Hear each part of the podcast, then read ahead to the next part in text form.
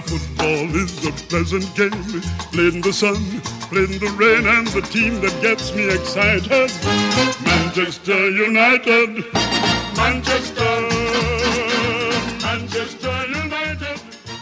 Sziasztok, ez itt az Ördögi Kör, a Stratford End podcastje. Ez a legutolsó adásunk 2020-ban. Itt van velem Krisz, Tiszteletem a hölgyeknek, meg az uraknak. és kapcsoljuk Strigót, akitől meg se kérdeztem, hogy most igazából hol van. Aténban még mindig. Szóval nem, nem jöttél haza karácsonyra ezek szerint. Szóval, mintha lehetne. Szóval. Azt nem is tudtam.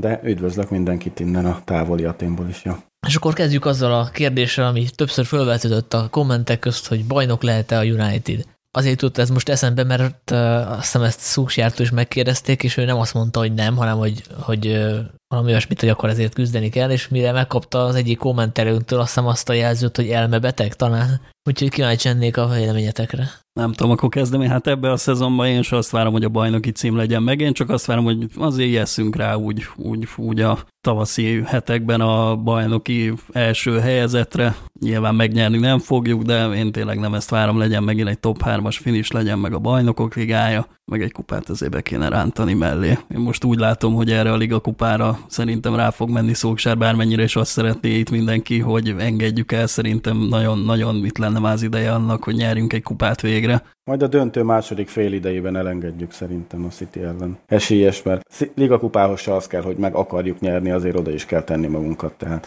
most ugye a City ellen lesz az elődöntő, aztán meg valószínűleg Spurs a döntőben, ami idén kellemetlen élmény. Ja, igazából azért is vetettem ezt föl, mert itt szerintem az érdekesebb kérdés, annál, hogy meg tudjuk-e nyerni, hogy erről mit kell ilyenkor egy edzőnek nyilatkoznia, amikor egy ilyen kérdést kap. Kiderült szerintem a podcastekből, hogy ö, Olé párti vagyok egyelőre, de én is, én is azt mondanám, hogy Olé out, ha ő amikor a, egy ilyen kérdést kap, akkor azt mondja, hogy hát nekünk a top 4 igazából a Carabao kupát, az jó lenne megnyerni, de hát a bajnokságról mi még nem álmodozunk majd jövőre. Szóval ilyet egy menedzser nem mondhat egy United menedzser, tehát nyilvánvaló ilyenkor azt kell mondani, hogy, hogy megpróbáljuk, persze. Nem mi vagyunk az esélyesek, sőt a legesélyesebb három csapatban se vagyunk benne, de ilyenkor nem lehet azt mondani egy United menedzsernek, hogy hát, hogy nekünk a top 4 a cél, meg a BL-ben a indulás. Hát ez a tipikus, hogy van rajta sapka, vagy nincs rajta sapka. Tehát most erre mit mondott volna az, hogy igen, persze van esélyünk, vagy akkor az a baj. Ha azt mondja, hogy nincs esélyünk, akkor az a baj, mert kisítő. Mosolyog az a baj, ha nem mosolyog az a baj.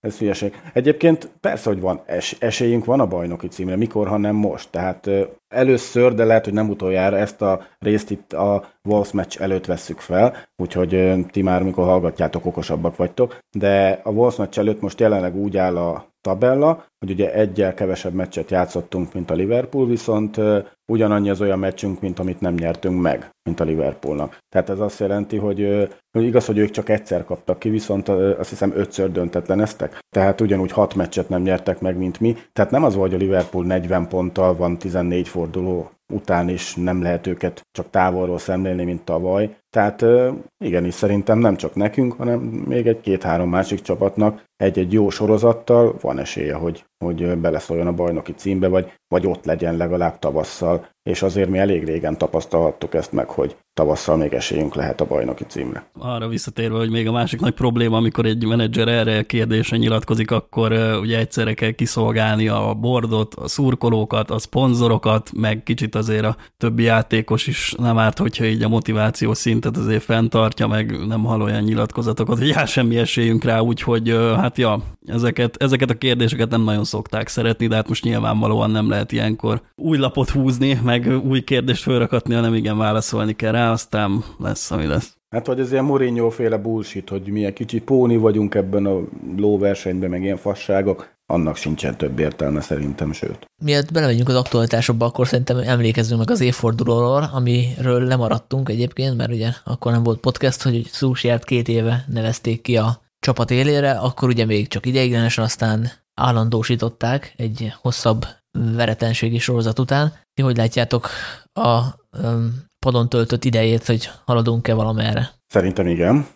Mindenképpen jobb helyzetben van a klub a keretet tekintve, meg hát most már lassan az eredményeket is tekintve, mint ö, Mourinho harmadik és befejezetlen szezonjánál. Ugye őt egy december 16-ai Liverpool meccs után rúgták ki, és utána érkezett Solskjaer, Hát itt a december 16-a Liverpool elleni 3-1-es zakóban ö, olyan emberek kaptak szerepet a kezdőcsapatban, mint Daló, Darmian, Bai, Lingard, Lukaku, Young, csereként beállt Fellaini, Lingard őtt egyébként a gólt, tehát azért ezek olyan nevek, amik nem feltétlenül a kezdőcsapatban találnak most helyet, és nem csak azért, mert hogy személyi változások történtek, hanem szerintem minőségben is mm, nagyobb játékerőt képvisel a mostani keret, amit már Szúsjár kezd a maga arcára, hogy maga kényekedve szerint alakítgatni és formálni. Ja, hát azt láttuk, hogy sikerült a ballasz nagy részétől megszabadulni, úgyhogy épül a keret, de ja, nekem is ugyanaz a véleményem lesz, mint neked, hogy abszolút vannak előrelépések, de hát már két éve erről beszélünk podcastonként, úgyhogy most kb. összefoglaljuk az elmúlt két év összes adását, valányszor a szúksár téma előkerült. Én is azt látom, hogy igen, épül a keret végre normálisan, és hát szúksár ugye megkapta azt a nem túl kellemes feladatot, hogy az előző menedzserek által összehordott szemetet kellett ugye kisöpörni a szőnyeg alól, aztán rendesen levinni a szemetes kukába. Látok abban is erőle, előrelépést, hogy itt van ez a bazi nagy hajtás, itt van a vírushelyzet, a legtöbbünk egészséges, még Erik Báj is, hát nem is tudom, mikor volt erre utoljára példa, nincsenek sérült játékosokkal végigjátszatott félidők, tudjuk menedzselni ezeket a ezeket a problémákat. Rashfordnál ez néha-néha előfordult.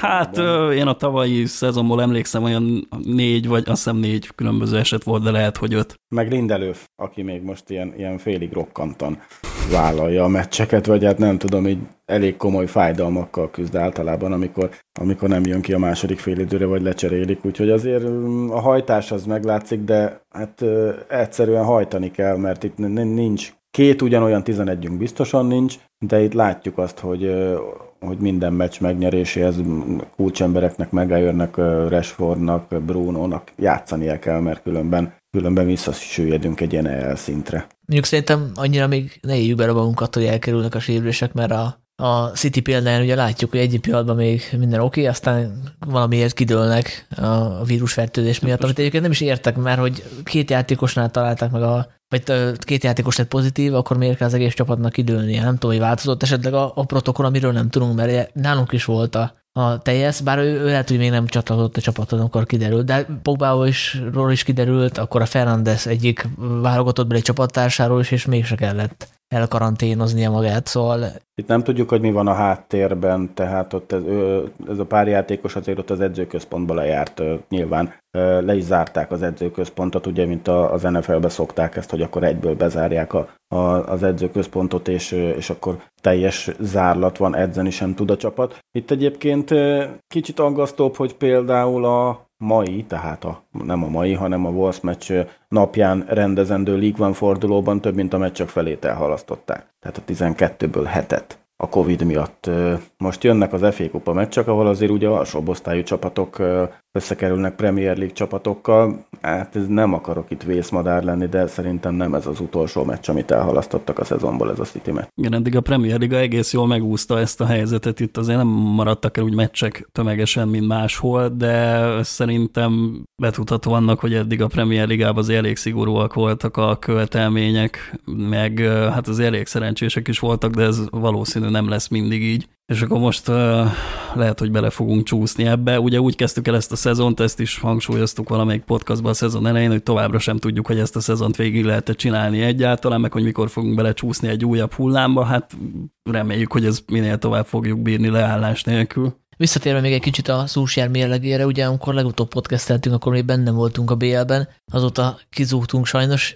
Szerintem még a legvérmesebb Olé utazók sem mondanák most azt, hogy küldjük el a Szúsját, hogyha benne lennénk még a BL-ben, és mondjuk megnyerjük azt a meccset Törökországba. Nektek sikerült már megemészteni azt a, azt a kudarcot, ami nem tudom, hogy kudarc -e igazából, mert hogyha a BL sorsoláskor mondják azt, hogy, hogy nem fogunk tovább jutni, akkor és hajszálon múlik, akkor azt mondjuk, hogy hát végül ott a Lipcse, ott a PSG, akkor igazából nem mi vagyunk az esélyesek a továbbjutásra. Nekem a Strigónak a bearangozója, amit a Jaj, nem fog eszembe jutni, hogy ezt melyik meccsel írtad a bajnokok ligájába, de a továbbjutási esélyeknek a százalékai ugrottak be hirtelen, hogy a, az első két meccsünk után azt hiszem 90 százalékra ugrott fel, vagy a fölé annak az esélye, hogy továbbítunk el a csoportból, vagy nem. Aztán valahogy sikerült pont azt a tíz esetből azt az egyet kifogni, amikor de mégiscsak kiesünk. Hát nem tudom mihez hasonlítsam, a reális esélye ez tényleg az volt, hogy a PSG meg a Lipcse ellen, ugye a négy lejátszott meccsből, hát talán egyet-kettőt, ha hozni tudunk, és akkor összetejtjük érte a két kezünk, és akkor még mindig imádkozni kell azért, hogy valahogy a végén mi jöjjünk jobban ebből az egészből. Hát nem jött össze. Nem, egyébként nem, egyébként nem tudtam feldolgozni, hogyha, hogyha ez a kérdés, nem tudom ki hogy van vele. Én nagyon csalódtam a BL kiesés miatt, nem csak azért, mert hogy, hogy az első két meccset nyertük, hanem ez a másik két meccs sem volt olyan, amit nem nyerhettünk volna meg. Tehát mind a PSG ellen, mind a Lipcse ellen a második meccsen apróságok döntöttek, ugye itt Fred kiállítására gondolok elsősorban, illetve a második meccsen való kezdésünkre, ami botrány volt, de még így is majdnem sikerült visszajönni, illetve én nem hiszem, hogy ennyi lőtt góllal a csoportmeccsen úgy valaha kiesett volna a csapat. Úgyhogy azért szégyenkezni valónk igazából nincsen emiatt. Szégyenkezni valónk az isztambuli meccs miatt van tulajdonképpen, nem az egész kiesés miatt.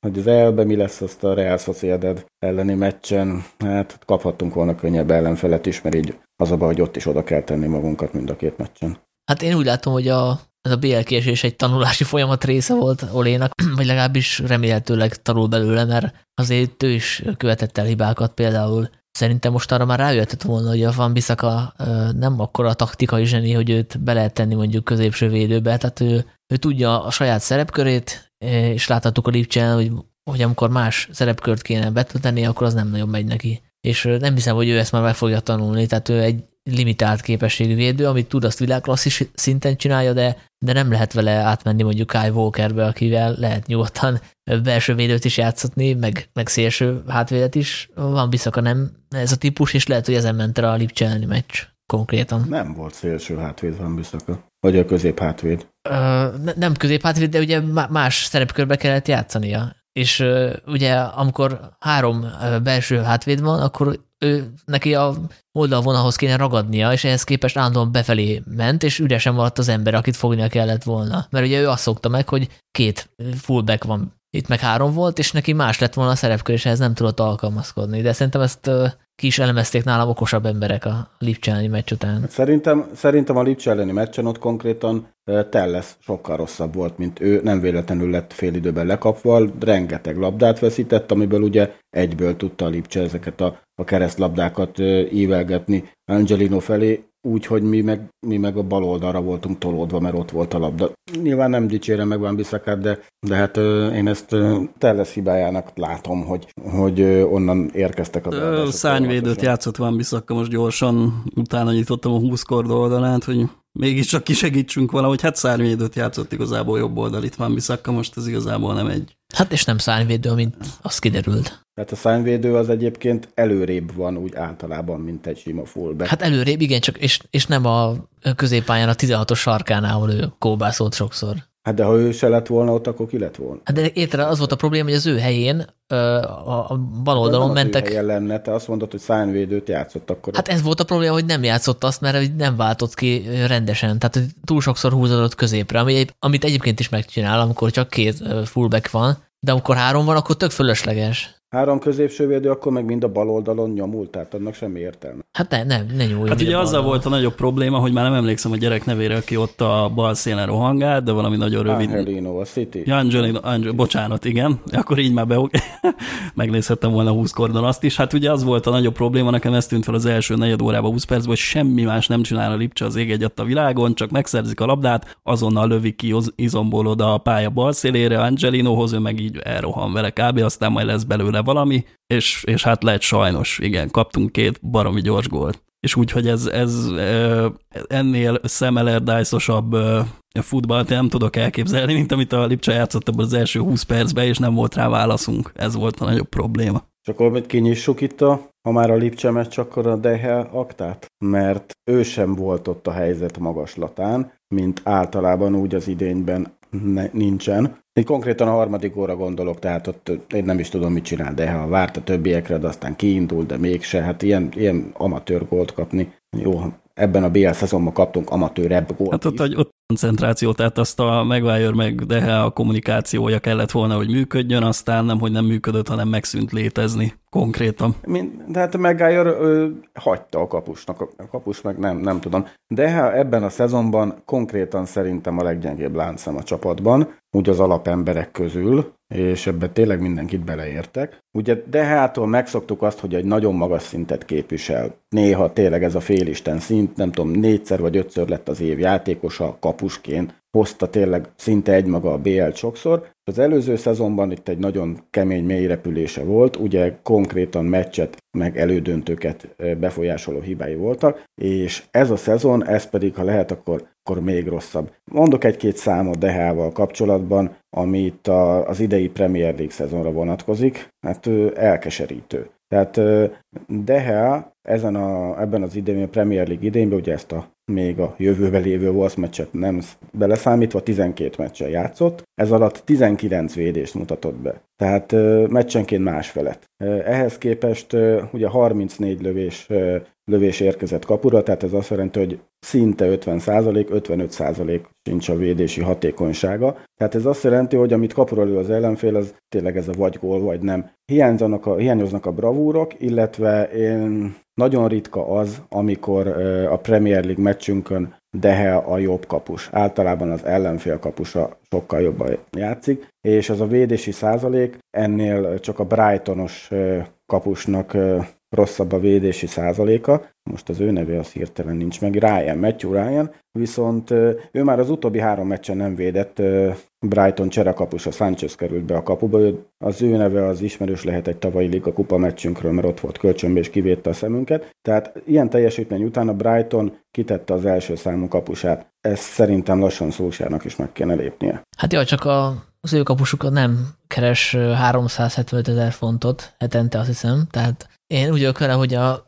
de a világklasszis fizetést kap, de már nem világklasszis. Mondjuk ettől függetlenül azért túlzásnak érzem, hogy ő lenne a leggyengébb látszem, meg hogy azért rajtam volna mondjuk a bajnoki cím, vagy hogy, hogy nyerjünk valami kupát, de az tény, hogy a teljesítménye visszaesett, és ezt a fizetése nem tükrözi. Tehát nyilván nem az én pénzem, tehát nem kéne, hogy bántson, de akkor is iszonyú aránytalanság. A elég, messze... elég csúnya világ lenne akkor, hogyha minden rossz teljesítmény után újra tárgyalnának minden játékosra minden szerződést, úgyhogy hát figyelj, ez, ez a rizikó mindenkinek a szerződésében benne van, hogy egyszer csak történik valami, nem az, hogy elmegy a kedve a játéktól, vagy történjen vele bármi, egyszer csak beesik valami teljesítmény görbébe valami meredek esés, és akkor itt marad a nyakunkon heti csiliárdokért, és akkor kérdés, hogy mit kezdjünk vele. Hát lásd a Chelsea mekkora bakot lőtt a izével, Kepa? Kepával, igen. Ja. Na de hozzáteszem, hogy Henderson pedig két és fél meccset játszott, 14 lövés ment a kapujára, 11-et védett. Tehát azért, hogy érezzük egy kicsit, hogy ja. van különbség a, a két,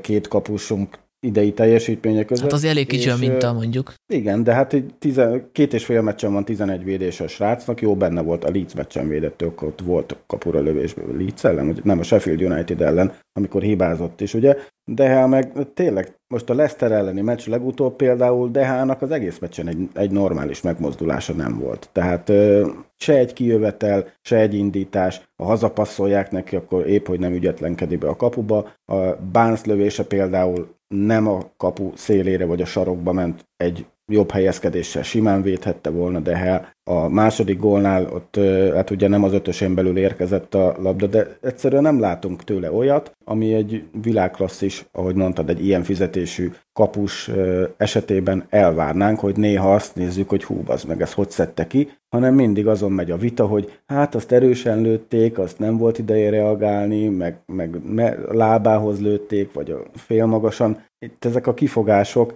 és ez, ez, ez szerintem kurvára kevés idén, és nem véletlen, hogy ennyi gólt kapunk. Ugye itt folyamatosan a Leeds, Sheffield United, a Sheffield united nem ő volt, de itt a szezonban már tíz olyan meccs is volt, ahol legalább két gólt kaptunk, és a meccsek többségén azért állt a kapuban. Szerintem Szulksier is látja a problémát, mert különben nem kezdett volna Henderson egy PL meccsen. Azért az nem sűrűn fordul elő, hogy a helyettes kapus az nem a Európa Ligában játszik, hanem a, akár a PL-ben is. Szerintem ő, ő látja ezt a problémát, de ide azért diplomáciai érzék is kell, tehát nem lehet csak úgy kibaszni a, a DH-t a, a, a kapuból, meg az se biztos, hogy a Henderson azért kész van erre a feladatra, tehát őt tesztelni kéne, és nyilván nem lehet csak a Liga kupában tesztelni, tehát én azt látom megoldásnak, hogy egy-két PL meccsen továbbra is bedobja őt a Solskjaer, és kiderül, hogy bírja a nyomást, és mondjuk kiderül, hogy a, azt a bakit, amit elkövetett a Henderson, az, az, az nem a, annak köszönhető, hogy mondjuk izgult, vagy hogy nem volt kellőképpen fölkészülve, hanem ez tényleg csak egy sima baki volt, és az nem fordul elő többet, mert hogyha mondjuk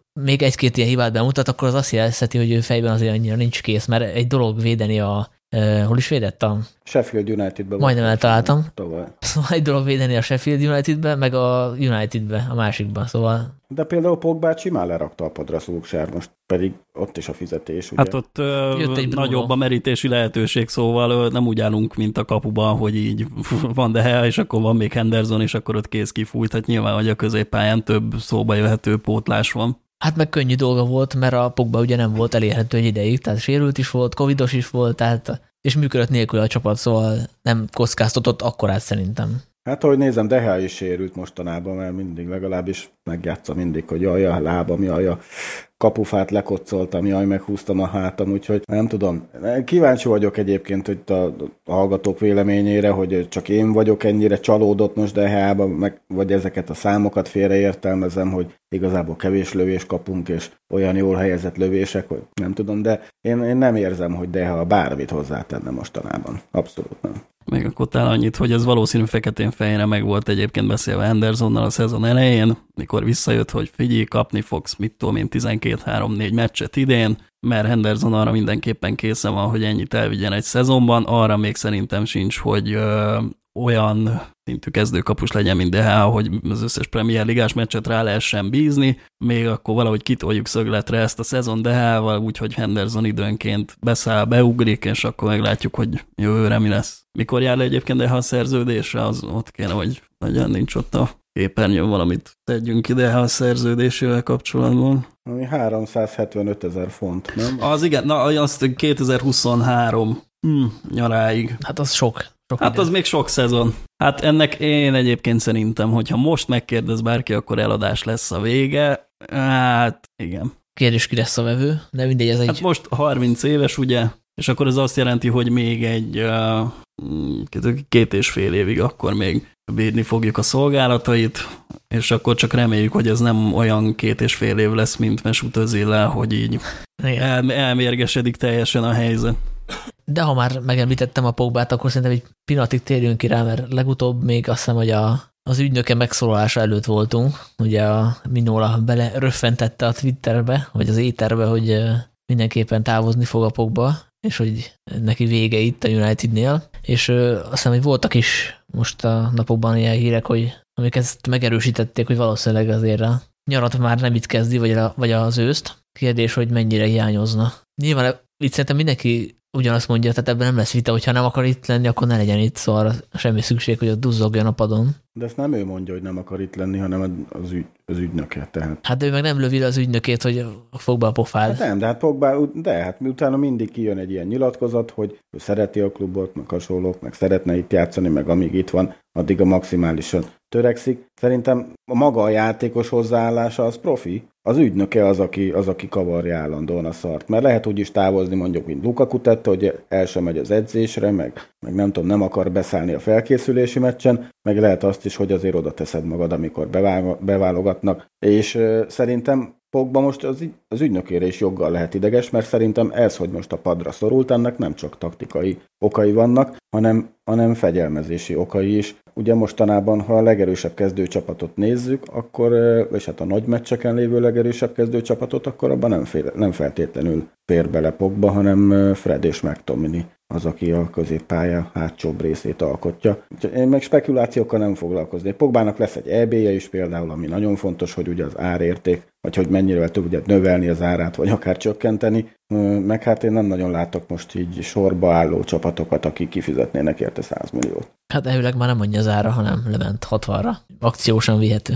Krisz? Pogbához mit tudunk hozzátenni, ugye az ügynök gyakorlatilag abban érdekelt, hogy a nem tudom, az ügyfele lehetőleg minél nagyobb összegekért cseréljen gazdát, ugye ebből esik le a mindenféle ügynöki díj az átigazolásokkor, meg vannak olyan játékosok is egyébként, akiknek a szerződésében ilyen kitételek vannak, hogy akkor az ügynök hány százalékban részesedik, meg a szponzori bevételekből is, meg mert ugye ő alkutta ki neki, és hasonlók, úgyhogy egy ilyen egy ilyen második szándékot azért mindig vélek ebbe felfedezni, amikor ezt a, ez az interjú visszaköszön, vagyis ez a szöveg, amit Rájóla lenyomott, pláne ugye a Lipcse elleni meccs előtt, azt azért ne felejtjük, hogy a lehető legjobb pillanatban sikerült ezt időzíteni. Én is mondom vagyok, hogy valószínű itt Pogba előbb-utóbb távozni fog, valószínű pénzért, és tényleg egy ilyen 50 millió körüli összegér valószínű, és hát most mit mondjak, egyébként igen, hiányozni fog, mert egyelőre Bruno Fernándes oké, hogy viszi a hátán a csapatot, kérdés, hogy ezt meddig fogja csinálni, mert ebben egyébként nincsenek illúzióim, szóval én nem nagyon hiszem, hogy ezt egy egész karrierig karrier végezték fel lehet tartani ezt a pont per meccs átlagot. Hát a De Bruyne-nek sikerül. Nem? Tehát de rövidre zárta, rövidre zárta az értekezést. Ja, de ja, jó, akkor, akkor meg vagyok győzve. Nem hát fog jó, hát hiányozni hát Pogba. Mondhatjuk azt is, hogy a Bruno Fernandes kategóriákkal a De Bruyne alatt van, de egyelőre nem ezt látjuk. Tehát, meg hát nem ő lenne az egyetlen játékos, aki mondjuk 24-5 éves kora fölött kezd el kiteljesedni. Hát ugye a, maga a De Bruyne is későn érő típus, szóval ezt nem, tud, nem tudhatjuk, de abban igazad vagy, ebből tényleg kockázat van, tehát nem lehet mindent a Fernandesre föltenni. Ezt nem, nem, is ért, nem is értem ezt az összehasonlítgatást a De Bruyne. Hát mind a kettő kreatív középpályás, mind a kettő a Manchesterben. De hát azt mondtad, hogy alatt, nem, mondta, azt mondhatjuk, hogy több szinten alatta van, vagy, vagy mit? Hát ezt mondom, hogy szerintetek mondhatjuk ezt? Én azt mondom, hogy nem mondhatjuk ezt. vagy mondhatjuk. Hát nézd meg, amióta ideigazolt Bruno, konkrétan jobb számai vannak. Hát ezt mondom, hogy, hogy most úgy néz ki, hogy egy szinten vannak, és hogyha a De Bruyne-nek sikerül föntartani a szezonok óta ugyanazokat a mutatókat, akkor a Bruno-nak is megoldható. Hát mondjuk én szarok De Bruyne-re, tehát engem nem érdekelt, engem Bruno teljesítménye érdekel, ami kurva jó. És amit már itt említettünk jó párszor, hogy Kantona hatás az abszolút megvan. Ja, és Kantona hatásról beszélve, akkor a cavani is elővehetjük, akivel kapcsolatban fölmerültek hírek, hogy esetleg hosszabbítunk vele már most. Hát igen, volt egy ilyen ö, opció a kölcsönszerződésében, hogy triggerelhetjük az egyéves hosszabbítás, milyen szép magyar szóval éljek, és ö, hát ez nem, egy ilyen... Ez nem, nem kölcsön van keválni. Igen, ezt én mondtam, mert elnézést itt a kibogod, kibogozhatatlan helyzetek a keretbe, természetesen nem kölcsönbe van nálunk keválni utólag is elnézést, de elvileg most egy ilyen felvétel előtt egy másfél órával röppent fel a hír, hogy már is meg akarjuk hosszabbítani egy évvel, mert van egy opció a szerződésében erre, ahogy ez egyébként lenni szokott. Nem véletlen, mert január 1-től tárgyalhatna más klubokkal, ugye, mert hat hónap van a hátralévő szerződéséből. Ez a klub így finoman jelezte, hogy, hogy ne nagyon szimatoljon senki Cavani körül, mert ő a mi játékosunk, és majd mi eldöntjük. Én egyedül ezt támogatom, és egyébként jött is egy olvasói kérdés, amire majd rá fogunk térni, nem tudom, ki kérdeztem, most nincs előttem kinyitva, de hogy az volt a lényege, talán filozófi volt, hogy kellene nekünk középcsatár, mert hogy most látszik, hogy cavani is helye van a keretbe. Én, én úgy látom, hogy ha hosszabbítunk cavani akkor nem kell. Ott van még Greenwood, Rashford, Marcia, szerintem csatár. Most egy egyelőre egész komplettek vagyunk csatárposzton, én továbbra is azért egy erősen ballábas játékost azért hiányolnék, de most ezt, ezt leszámítva szerintem per pillanat komplettek vagyunk a támadósorban, meg most nem ott vannak a legnagyobb problémáink, tehát továbbra is hozzuk ilyen két-három egészséges, két-három lőtt gólokkal a mérkőzéseket, aztán ez hol elég a három pontra, hol egyre, nem ott vannak most a nagyobb problémák, szerintem csatárposzton meg vagyunk, meg hát Kaváni személyében most érkezett egy ilyen gyiloggép oda 16-os környékére, egy olyan igazibb gyiloggép. Azért belőle is még, azért én kicsit várom, hogy előjöjjön belőle az állat, úgymond, mert egyelőre ilyen egy-egy jó félidői vannak cavani Hát most már 34 éves, úgyhogy már olyan nagyon nagy állat nem fog előjönni belőle, hanem egy ilyen, hát egy... Hát, ja. Szerintem az ő, ő fizimiskájával, tehát mindig is egy ilyen fit arc volt, tehát nem, nem kell úgy tekinteni rá, mint egy matos állemre, szerintem benne még van egy pár jó Hívja föl Suárez-t, hogy adjon tanácsokat, hogy kell állattá válni a pályán. Biztos jobban hát vannak. Hát nem tudom én. Nem szeretném a Suarez mentalitást itt a ha csak a negrítóra gondolunk, akkor már, már az összehasonlítás is gáz. Én, én abba bízom, hogy azért Cavani ennél, hogy is mondjam, kicsit jobb formába lendül, mert hát egyelőre eddig ilyen felemás, tehát nagyon rosszul kezdett, nagyon lassan, lassan rázódott bele, aztán volt egy-két jó meccse, de volt olyan meccse is, ahol például az Everton ellen Liga, Liga Kupával végigjátszott, hogy ott is nagyon sok mindent elrontott, aztán a végén mégis ő döntött el. Ilyen két arc eddig Cavani, de szerintem, hogyha arról beszélünk, ugye, hogy arról álmodozunk, hogy a bajnoki címhez lehet valami közünk, vagy a versenyfutáshoz. Nekem az a megérzésem, hogy abban cavani még azért lesz elég nagy szerepe. Ja, ámen. Igazából ő befejező csatár, és egy befejező csatárnak azért a e, nagy mértékben attól függ a teljesítmény, hogy milyen kiszolgálást kap, úgyhogy én szerintem, amikor gyengébb, akkor is azért a társakra is árul némi felelősség. Más kérdés, hogy lehet, hogy a az ő játszatásán az a legjobb módszer, hogy beküldeni utolsó fél órára 20 percre, mert akkor nem fog kiderülni, hogy esetleg lassult-e vagy nem, mert akkor nem hátrány az ő, ő kora, és nem biztos, hogy 90 percet végig tud játszani olyan színvonal, mint mondjuk a Rashford, aki tényleg a 95. percben és végig sprinteli a pályát. Ezt a Cavani nem fogja megcsinálni. Hát most Cavani most már nem a sebességével keresi a kenyerét. Ja. Neki inkább a nagyon okos, meg jól időzített beindulásai vannak ott a 16-oson belül jobbra-balra, előre-hátra, aztán az ellenfelvédelme meg próbálja meg lekövetni, ahogy tudja. Igen, Úgy, meg kurva jó passzai is vannak, szóval Ugye láttuk most a legutóbbi meccsen a Bruno-nak adott gólpassz. Ez a legtöbb támadónkról elmondható egyébként, hogy, hogy az ilyen utolsó passzokban elég jók. cavani igazából a jelenléte a boxba az, ami különbözik, különbözővé teszi a többi támadóktól szerintem. Például ő a második percben nem biztos, hogy fölé fejelte volna Bruno csodálatos gólpasszát a Leicester ellen, még mondjuk Rashford ezt elkurta. Más jellegű csatár, és szerintem még akkor is, ha ez most a fiatal Greenwood kárára megy, néha a játszatása, szerintem néha igenis szükség van egy ilyen típusú nem csak, hogy jelenléte van a boxban, de a pressingben, meg így általában a, az ellenfélnek a zavarásában ő, ő hasznosabb, mint a többi támadó. És van egy ember, aki biztos, hogy nem örül az ő érkezésének, az pedig az Igaló, aki teljesen eltűnt sajnos a csapat közeléből. Ezért örültem volna hogy mondjuk a Liga kupába kap pár percet, mert azért ennél jobban is tudjuk őt használni. Bár így nyilván most senki nem tenné be őt a Cavani előtt, tehát ebből szempontból ezt megértem, csak ilyen picit fura, teljesen parkolópályára kerül. Hát ő neki most fog lejárni itt a szerződése, úgyhogy... A 31-én. Hát igen, vele a továbbiakban nem is számolunk, de ez ki is lett jelentve, úgyhogy ő nyilvánvalóan ő már itt nem fog a csapat közelébe kerülni játékpercek terén, így eledzeget még egy darabig, aztán egy darabig, hát 29-e van, hát két nap múlva csomagol, aztán megy Kínába. Nem, nem, nem, január 31. Január 31, bocsánat, még, még akkor egy hónapig ezt elnézzük, és ennyi, de ez ki volt jelentve, hogy igalóván már nem számolunk a továbbiakban, úgyhogy ebbe szerintem nincs semmi meglepő. Meg hát Káván is jött volna valószínű, hogyha nem lett volna egy előre eldöntve. Hogyha már belementünk a új igazolásokba, akkor a sláger kérdést fölteszem. Nyilván a olvasói kérdések közt is van, de akkor ezt most megelőzzük, hogy januárban hoznátok-e valakit. Ugye van egy ilyen uh, ekvádori fiatal, Moises Caicedo, nem tudom, hogy jól mondom-e, nyilván nem,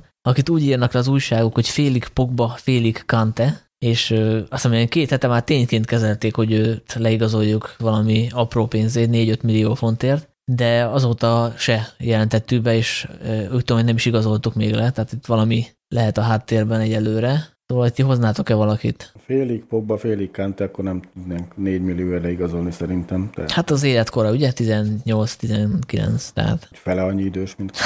nem, csak hogy még nincs, nem kész futbolista nyilván, tehát... Hát egyébként itt érkezik januárban ugye Diallo az Atalantától, vagy hát nem is tudom neki pontosan mi a neve, mert más neveken is előfordult itt. De azt hiszem, hogy ő Amad Diallo lesz. Ő fog érkezni, ő talán egyébként az első csapatnak a peremére odaérkezhet, ilyen, ilyen Dan James szintű játékpercekre, mm, de egyébként szerintem más így nem nagyon fog érkezni az első csapatba, és hát ha csak nem üt be addig valami sérülés, akkor talán egyelőre nem is kell. Na hát egyelőre én sem nyúlnék bele ebbe a keretben most komolyabban, ugyanez ez a két érkezünk, mert egyébként a Pellistri is jön, lefelejtettük, de hát ő már itt van. kis fiatalok már itt vannak, bocsánat, teljesen nem vagyok képben. Rájöttek, hogy ő igazából ilyen 23 szinten van, de ott lövöldözi a gólokat most elvileg, meg jól játszik. Na igen, most különben is uh, valahányszor előjön ez a uh, téri ablakos átigazolásos téma, mindenhol elmondják, hogy igen, körülbelül lehetetlen lesz ebben a téri átigazolásos ablakban normálisan igazolni, úgyhogy itt a mindegyik transferablakban állandóan dőlnek meg az előző évi rekordok, hát most nyilvánvalóan nem fognak, úgyhogy nem is nagyon próbálkozunk semmiféle üzletet kötni, meg hát most én ebből a keretből kinézem azt, hogy bőven beférünk vele a top 3-ba, meg elmenetelünk vele az Európa Ligában, ha már a Bajnokok Ligájában nem sikerült meg még, hát most a Manchester City ellen még itt valami csoda folytán döntőbe jutunk a Liga kupába, akkor még trófea is lehet belőle, és uh, ja, meg azt se tudjuk, nyilván egyáltalán be lehet fejezni a szezont, nyilván senki nem akar beleesni abba, abba a hibába, hogy most valakit leigazolnak csiliárdokért, fizetnek neki heti 250 ezer fontot, és akkor két hét múlva félbeszakad a szezon, és akkor megy a nyűglődés megint. Meg hát van egy csomó emberünk, akik így is alig jutnak szóhoz, és Van de Beek, Greenwood, Toanzébi, Williams, tehát nem hiszem, hogy így számokban növelni kéne még ezt a keretet nagyon. Hát egy védekező jellegű középpályás, vagy egy ilyen box-to-box szerintem kéne arra. Hát ott van Fred, McTominay, meg Matic. Hát igen, ezt akartam mondani, hogy azért az kicsit necces, hogy egy Fredre vagyunk hagyatkozva, tehát hogyha ő nincs, akkor jelentősen csökken a hatékonyságunk, szóval arra a posztra azért én el tudnék képzelni pár embert, akár a PL-ből is, tehát nem tudom, kezdve rice vagy Wolverhamptonból gyakorlatilag majdnem bárki. Hát meg már elég nehéz lenne lemenedzselni, ugye itt elég sokan hácsingóznak játékpercekre, meg ugye azért most fel lett pumpálva középpálya rendesen, ugye Brunoval, meg, meg Van de úgyhogy most szerintem ott a középpályára egy darabig nem lesz a malac persejbe keret. Hát persze, Pogba meg Van de Beek is a padon van, a legerősebb 11 mellett, hova igazoljunk még? Hát jó, csak ők nem arra, nem azon a poszton vannak, ami szerintem elég nem, kulcsfontosságú hát lenne. Fred, Fred McTominay és Matic, ez totálisan elég arra, arra az egy, vagy maximum két pozícióra. Szezon közben úgy leigazolni valakit, hogy valakit kibaszunk a helyéről, most így akkor Maticot kirúgod mellette, vagy, vagy, vagy ezt nem is értem. Tehát Hát igen, ez most nem az a, nem az a McDonald's étterem, ahol fel tudsz venni egyszerre, nem tudom, 28 embert oda a konyhára, hogy egy valaki csak a papírt hajtogatja, egy valaki csak a, nem tudom, a húst teszi felsülni, egy valaki meg csak megfordítja őket egyik oldalról a másikra, hanem így, így most már így, ha ennyien vannak azon a bizonyos konyhán, akkor mindenkinek illene egy kicsit mindenből kivenni a részét, úgyhogy Ráadásul jó teljesítményeket látunk. McTominay ugye a Leeds ellen, Frednek volt, nem is tudom melyik meccse volt, amikor kurva jó volt. Hát most már egyre több. az, Matic is az Everton elleni, ő volt a legjobb a Liga Kupa meccsen, tehát jó teljesítményeket nyújtanak ezek a játékosok, és szerintem még ebben van is tartalék, tehát még Pogba ott van, ott van Van de Beek, akik szintén, hogyha beszállnak, tudnak a középpályán jó teljesítményt nyújtani. Szerintem azon a poszton nem vagyunk lyukasak. Az más kérdés, hogy elgondolkozni, hogy jövőre talán ezekből az emberekből egy vagy kettő már nem lesz itt, és akkor el lehet gondolkozni azon, hogy Rice, vagy Neves, vagy, vagy bárki. Vagy a többiek. Ja, jut eszembe egyébként még a Szúksár két éve kérdésnél ezt elfelejtettem mondani, hogy az egyik legjobb példa szerintem pont Fred, akiből hirtelen, vagyis hát annyira nem hirtelen, de most már így elkezdett egész értékeltő játékos válni, és azt hiszem a kommentek között is láttam egy kérdést, hogy na most így megérte Fred azt az 50 milliót, amit kiadtunk érte, hát én erre azt tudnám mondani, hogy nem, Szúsár meg a stábja érdemli meg azt az 50 milliót, amit kiadtunk Fredért, mert nem amikor igazolták Fred... szerintem, hanem még Mourinho. Hát nem, persze, hát ugye Mourinho alatt igazoltuk, csak azt láttuk, hogy Mourinho alatt még egy ilyen teljesen kiforratlan, éretlen játékos, aki minden labda átvételen annyit pöcsörészik, hogy szanaszét kontráznak minket utána, mert képtelen volt belerázódni ebbe a tempóba, most ez alatt az eltelt két év alatt pedig úgy néz ki, hogy sikerült belőle egy ilyen PL szintű játékost faragni, aki így egész jó teljesítményekkel hozza le a meccseket, hát...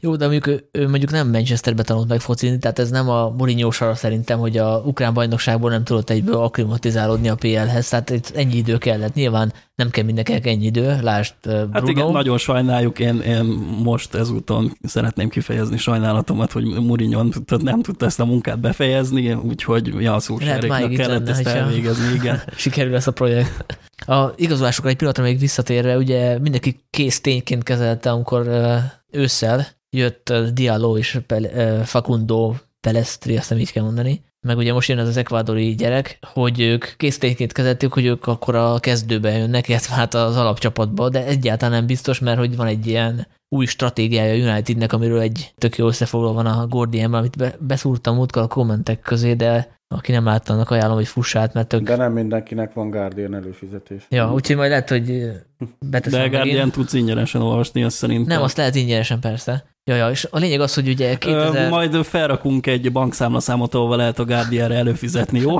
Ne lepődjetek meg, a néven az jó lesz, azt higgyétek el.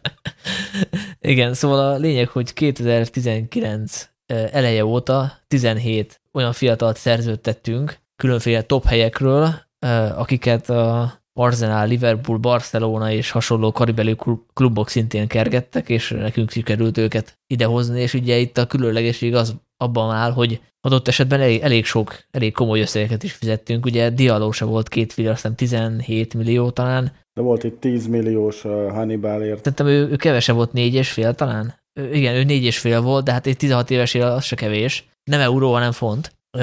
Tehát nyilván ez egy, egy tudatos stratégia. Két szélsővédő érkezett idén, ők is pénzért, és ők is elég nagy tehetségek. Itt össze lehetne szerintem ezt kötni, vagy össze is fogjuk akkor így átvezetni ezt a szerintem a Brexit témára, mert nem véletlen ez, ez a fiatalok, fiatal játékosok úgymond felhalmozása. Ezek a fiatalok két-három-négy év múlva, amikor ugye megérnek úgymond a kezdőcsapatra, ők saját nevelésű játékosnak fognak számítani, ami egy Brexit utáni angol piacon nem lesz uh, hátrány. Tehát itt uh, ugye nyilván a, a Manchester United továbbra is az angol fiatalokat is nevelni fogja, de ezzel elérhető az, hogy a Brexit után ugye folyamatosan jönni fognak a szigorítások, hogy hány angol, vagy hát brit játékosnak kell a keretben lennie, Ugye itt, ha egy játékos hiába spanyol, de hogyha 21 éves kora előtt legalább három idényt tölt el az adott klubnak a, a kötelékében, akkor saját nevelésűnek számít. És a BL szabályoknál ráadásul szigorúbbak lesznek itt a Premier League szabályok,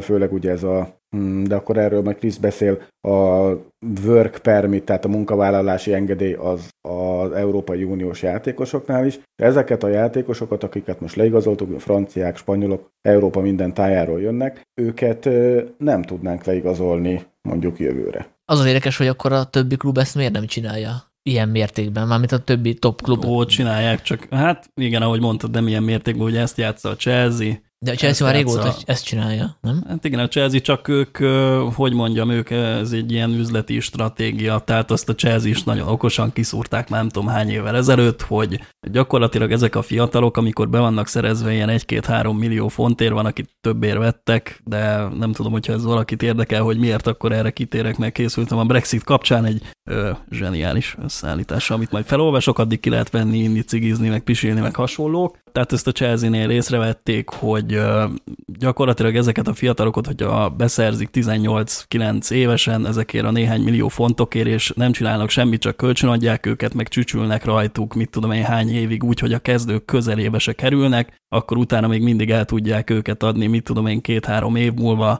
8 millió, 10 millió, akárhány millió fontért és halára keresik magukat rajtuk, és nem tudom, ezt játsza egyébként a Manchester City is, csak ők nem, vagyis hát ha úgy tetszik, akkor a City Football Group, csak ők nem így egy-egy játékosokat vásárolnak fel, hanem komplet labdarúgó klubokat, mégpedig azért, mert ez nekik is feltűnt nyilvánvalóan, hogy... Ezt játsz a Red Bull is. Hát meg a, igen, tehát az, az összes ilyen, az összes ilyen nagy globális futball szervezet, amelyik elkezd több klubot is felvásárolni, ez pont azért csinálja, mert feltűnt nekik, hogy itt pláne az európai piacon minden transferablakban folyamatosan egyre nagyobb összegekért cserélnek játékosok klubokat, tehát gyakorlatilag semmi más dolguk dolguk nincs, mint az ilyen játékosokon egy-két évig ücsörögni, és gyakorlatilag az alatt, ha nem is megkétszereződik az értékük, de ilyen másfélszeresére minimum fölmegy, és ez egy ilyen gyakorlatilag egy üzleti befektetés. Hát ugye, hát most mit lehet erre mondani, ugye, hogyha az embernek van egy vállalkozás, akkor nyilván az lenne az elsődleges célja, hogy a rendelkezésére álló, nem tudom, források meg eszközöknek a, az értékét így feljebb és feljebb tornásza, vagy megpróbálja maximalizálni. Hát most gyakorlatilag ez bármennyire durván hangzik, nyilván a labdarúgó klub számára a játékos egy, egy forrás, vagy egy eszköz, és hogyha csak ennyi dolga van, a vállalkozást futtatónak, hogy megvesz egy klubot, és ücsörög a játékosokon egy-másfél-két évig, és az alatt magától felmegy az áruk másfélszeresére úgy, hogy gyakorlatilag semmi extrát nem csinált velük, csak játszatta őket egy ilyen francia másodosztályba vagy első osztályba, akkor tökéletes befektetés. Úgyhogy a City vett, vettek is tíz klubot a Manchester city hát mi, mi sem egyszerűbb, nem tudom, mi miért nem csináljuk ezt. De nekünk vagy nem ez a célunk, hanem az a célunk, hogy beépítsük, vagy pedig nagyon elkurtuk ezt, mert meg kell nézni Pogba esetét, aki ingyen elment, pedig majdnem annó megbaszták a klubot érte, ugye, hogy őt a Löháv vagy honnan megszereztük így még fiatal korában, ugye, illetve meg lehet nézni itt a Nani unoka tesója, az Angel Gomes, ingyen ment el a Lille-be, tehát mi valahogy ezt nem jól csináljuk. Tehát felneveljük ezeket a srácokat, aztán nem hosszabbítanak szerződést, és elhúznak a vérbe. Tehát nekünk nem megy az, amit itt mondasz, és szerintem mi nem ezért. Hát igen, mi más, más honnan álltunk hozzá ez a fiatalok igazolásához. Röviden, tehát igen, ezért tudtunk többek között Pogbán is ekkorát úgymond rajta veszteni. Tehát amíg a, nem tudom, a Manchester United elsősorban azért ö, ö, próbálgatja a fiatalokat, mert már nem tudom, 40 akárhány éve minden egyes meccsnapi kezdőkeretben van legalább egy akadémiai. Inkább 80. Mennyi? 80 év. 80, nem, nem tudom, ebből megint nem vagyok teljesen felkészült, de én valami 40 akárhányra emlékszem. Mi elsősorban ezért veszük és nevelgetjük a fiatalokat, a Chelsea meg azért veszi őket tucat szám, hogy így mindenkit elküldenek kölcsönbe, úgyhogy gyakorlatilag a Chelsea kezdő keretében legtöbbször ezek a játékosok nulla alkalommal férnek be. Hát most azért vannak, nem ez a Zuma Christensen. Hát most nyilván, hogyha valaki annyira jó, akkor játszani fog a chelsea tehát azért azt nem fogják bánni, hogyha eljutnak arra a szintre, hogy mondjuk kezdők lehessenek stabilan a Premier Ligába, de ha nem, az se gond, elmennek kölcsönbe. vagy De Bruyne? Szóval, de több ilyen játékosok is van, akik máshol csináltak karrier, de azért nem jártak, nem jártak velük olyan rosszul. Tehát De Bruyne-t is nem tudom mennyiért szerezték, és valami tízszeres áron adták el. Na jó, nem tízszeres, de egy ötszörös talán transfermárkton utána lehet nézni, hogy ez is mekkora kasza BT volt. A City-nél is érdekes ez a dolog, mert ők is ugye csinálták ezt egy időben, meg csinálják is, ők főleg angol játékosokat ö, vesznek angol utánpótlás kluboktól. Ehhez képest ugye szarérhügyér adták el például a mindenki által ajnározott Sancho-t, aki Dortmund 120 ér sem akar eladni, vagy itt lesz a következő arc szerintem Phil Foden, aki, hát hogy is mondjam, szinte minden Premier League csapatba beférne, a Citybe valahogy Guardiola nem akarja alapemberré tenni. Úgyhogy szerintem ő is. Ő hát is. azért egyre többet játszik, meg ugye van egy De Bruyne is a keretben, aki eléggé hasonló poszton. Hát most azért egy-két ilyen játékosan előfordul, hogy rajta vesztenek, csak minden ilyen egy-két játékosra jut 11 néhány másik, aki meg nem vesztettek rajta, csak ezek nem nagyon kerülnek be az ilyen átigazolási írekbe, meg plegykákba, mert az senkinél nem üti meg a szintet, hogy uh, valamelyik játékos 5 millió fontért, uh, mit tudom én, eladta a Manchester. Sancho is ez volt, ő se ütötte meg azt a szintet, hogy Dortmund leigazolt a sancho tehát hogy az nem volt egy olyan nagyon nagy igazolás, vagy hogy Angelino elment két évre kölcsön a Leipzigbe. Ebből a szempontból mondjuk lehet, hogy jobb drágán venni 18 éves játékosokat, akikről azért a szakértők már megmondják, hogy valószínűleg viszik valamire. Nyilván ebben is van kockázat, de hogyha megveszel egy játékost, egy dialot, mennyi, mennyi is volt? 10 valamennyi? Vagy 20? Szerintem ő drágább. Ö, lehet, hogy drágább. valahány millióért jött a két játékos összesen. Szóval akkor... Szerintem ő volt a 35 millió, és a Pelistri volt a kevesebb a 10. Vagy... Mindegy, lényeg, hogyha ilyen drágán megvesz egy játékos, vagy egy 16 éves 5 millióért, akkor neki esélyt fogsz adni. Már csak azért is, mert nem hiába dobtad ki a pénzet, tehát akkor a menedzseren is van egy ilyen, egy ilyen nyomás, hogy próbálja ki a játékost, mert hogy azért vették, míg a Chelsea edzőnek nincs ilyen nyomása, hogy tegyen be fiatalokat a csapatba, a saját nevésű fiatalokat, mert, mert az nem szempont. A Unitednél meg ez szempont, mert ugye a hagyományok is azt mutatják, hogy, hogy azért mi építünk a fiatal játékosokra, úgyhogy szerintem ez a mi stratégiánk egy, egy fokkal jobb a, a City-nél vagy a Chelsea-nél, hasznosabbnak tűnik, de nyilván nem kockázat nélküli, és csak egy dolgot mondanék arra, hogy a trendek hogyan változnak, mármint ami a, a fiatalok kiválasztását és elcsábítását illeti, mert hogy a, a, City, a Citybe egy időben a United játékosok gyerekei csőstől mentek, ugye Van Persie-nek is azt hiszem ott volt a gyereke, illetve a film... Kasper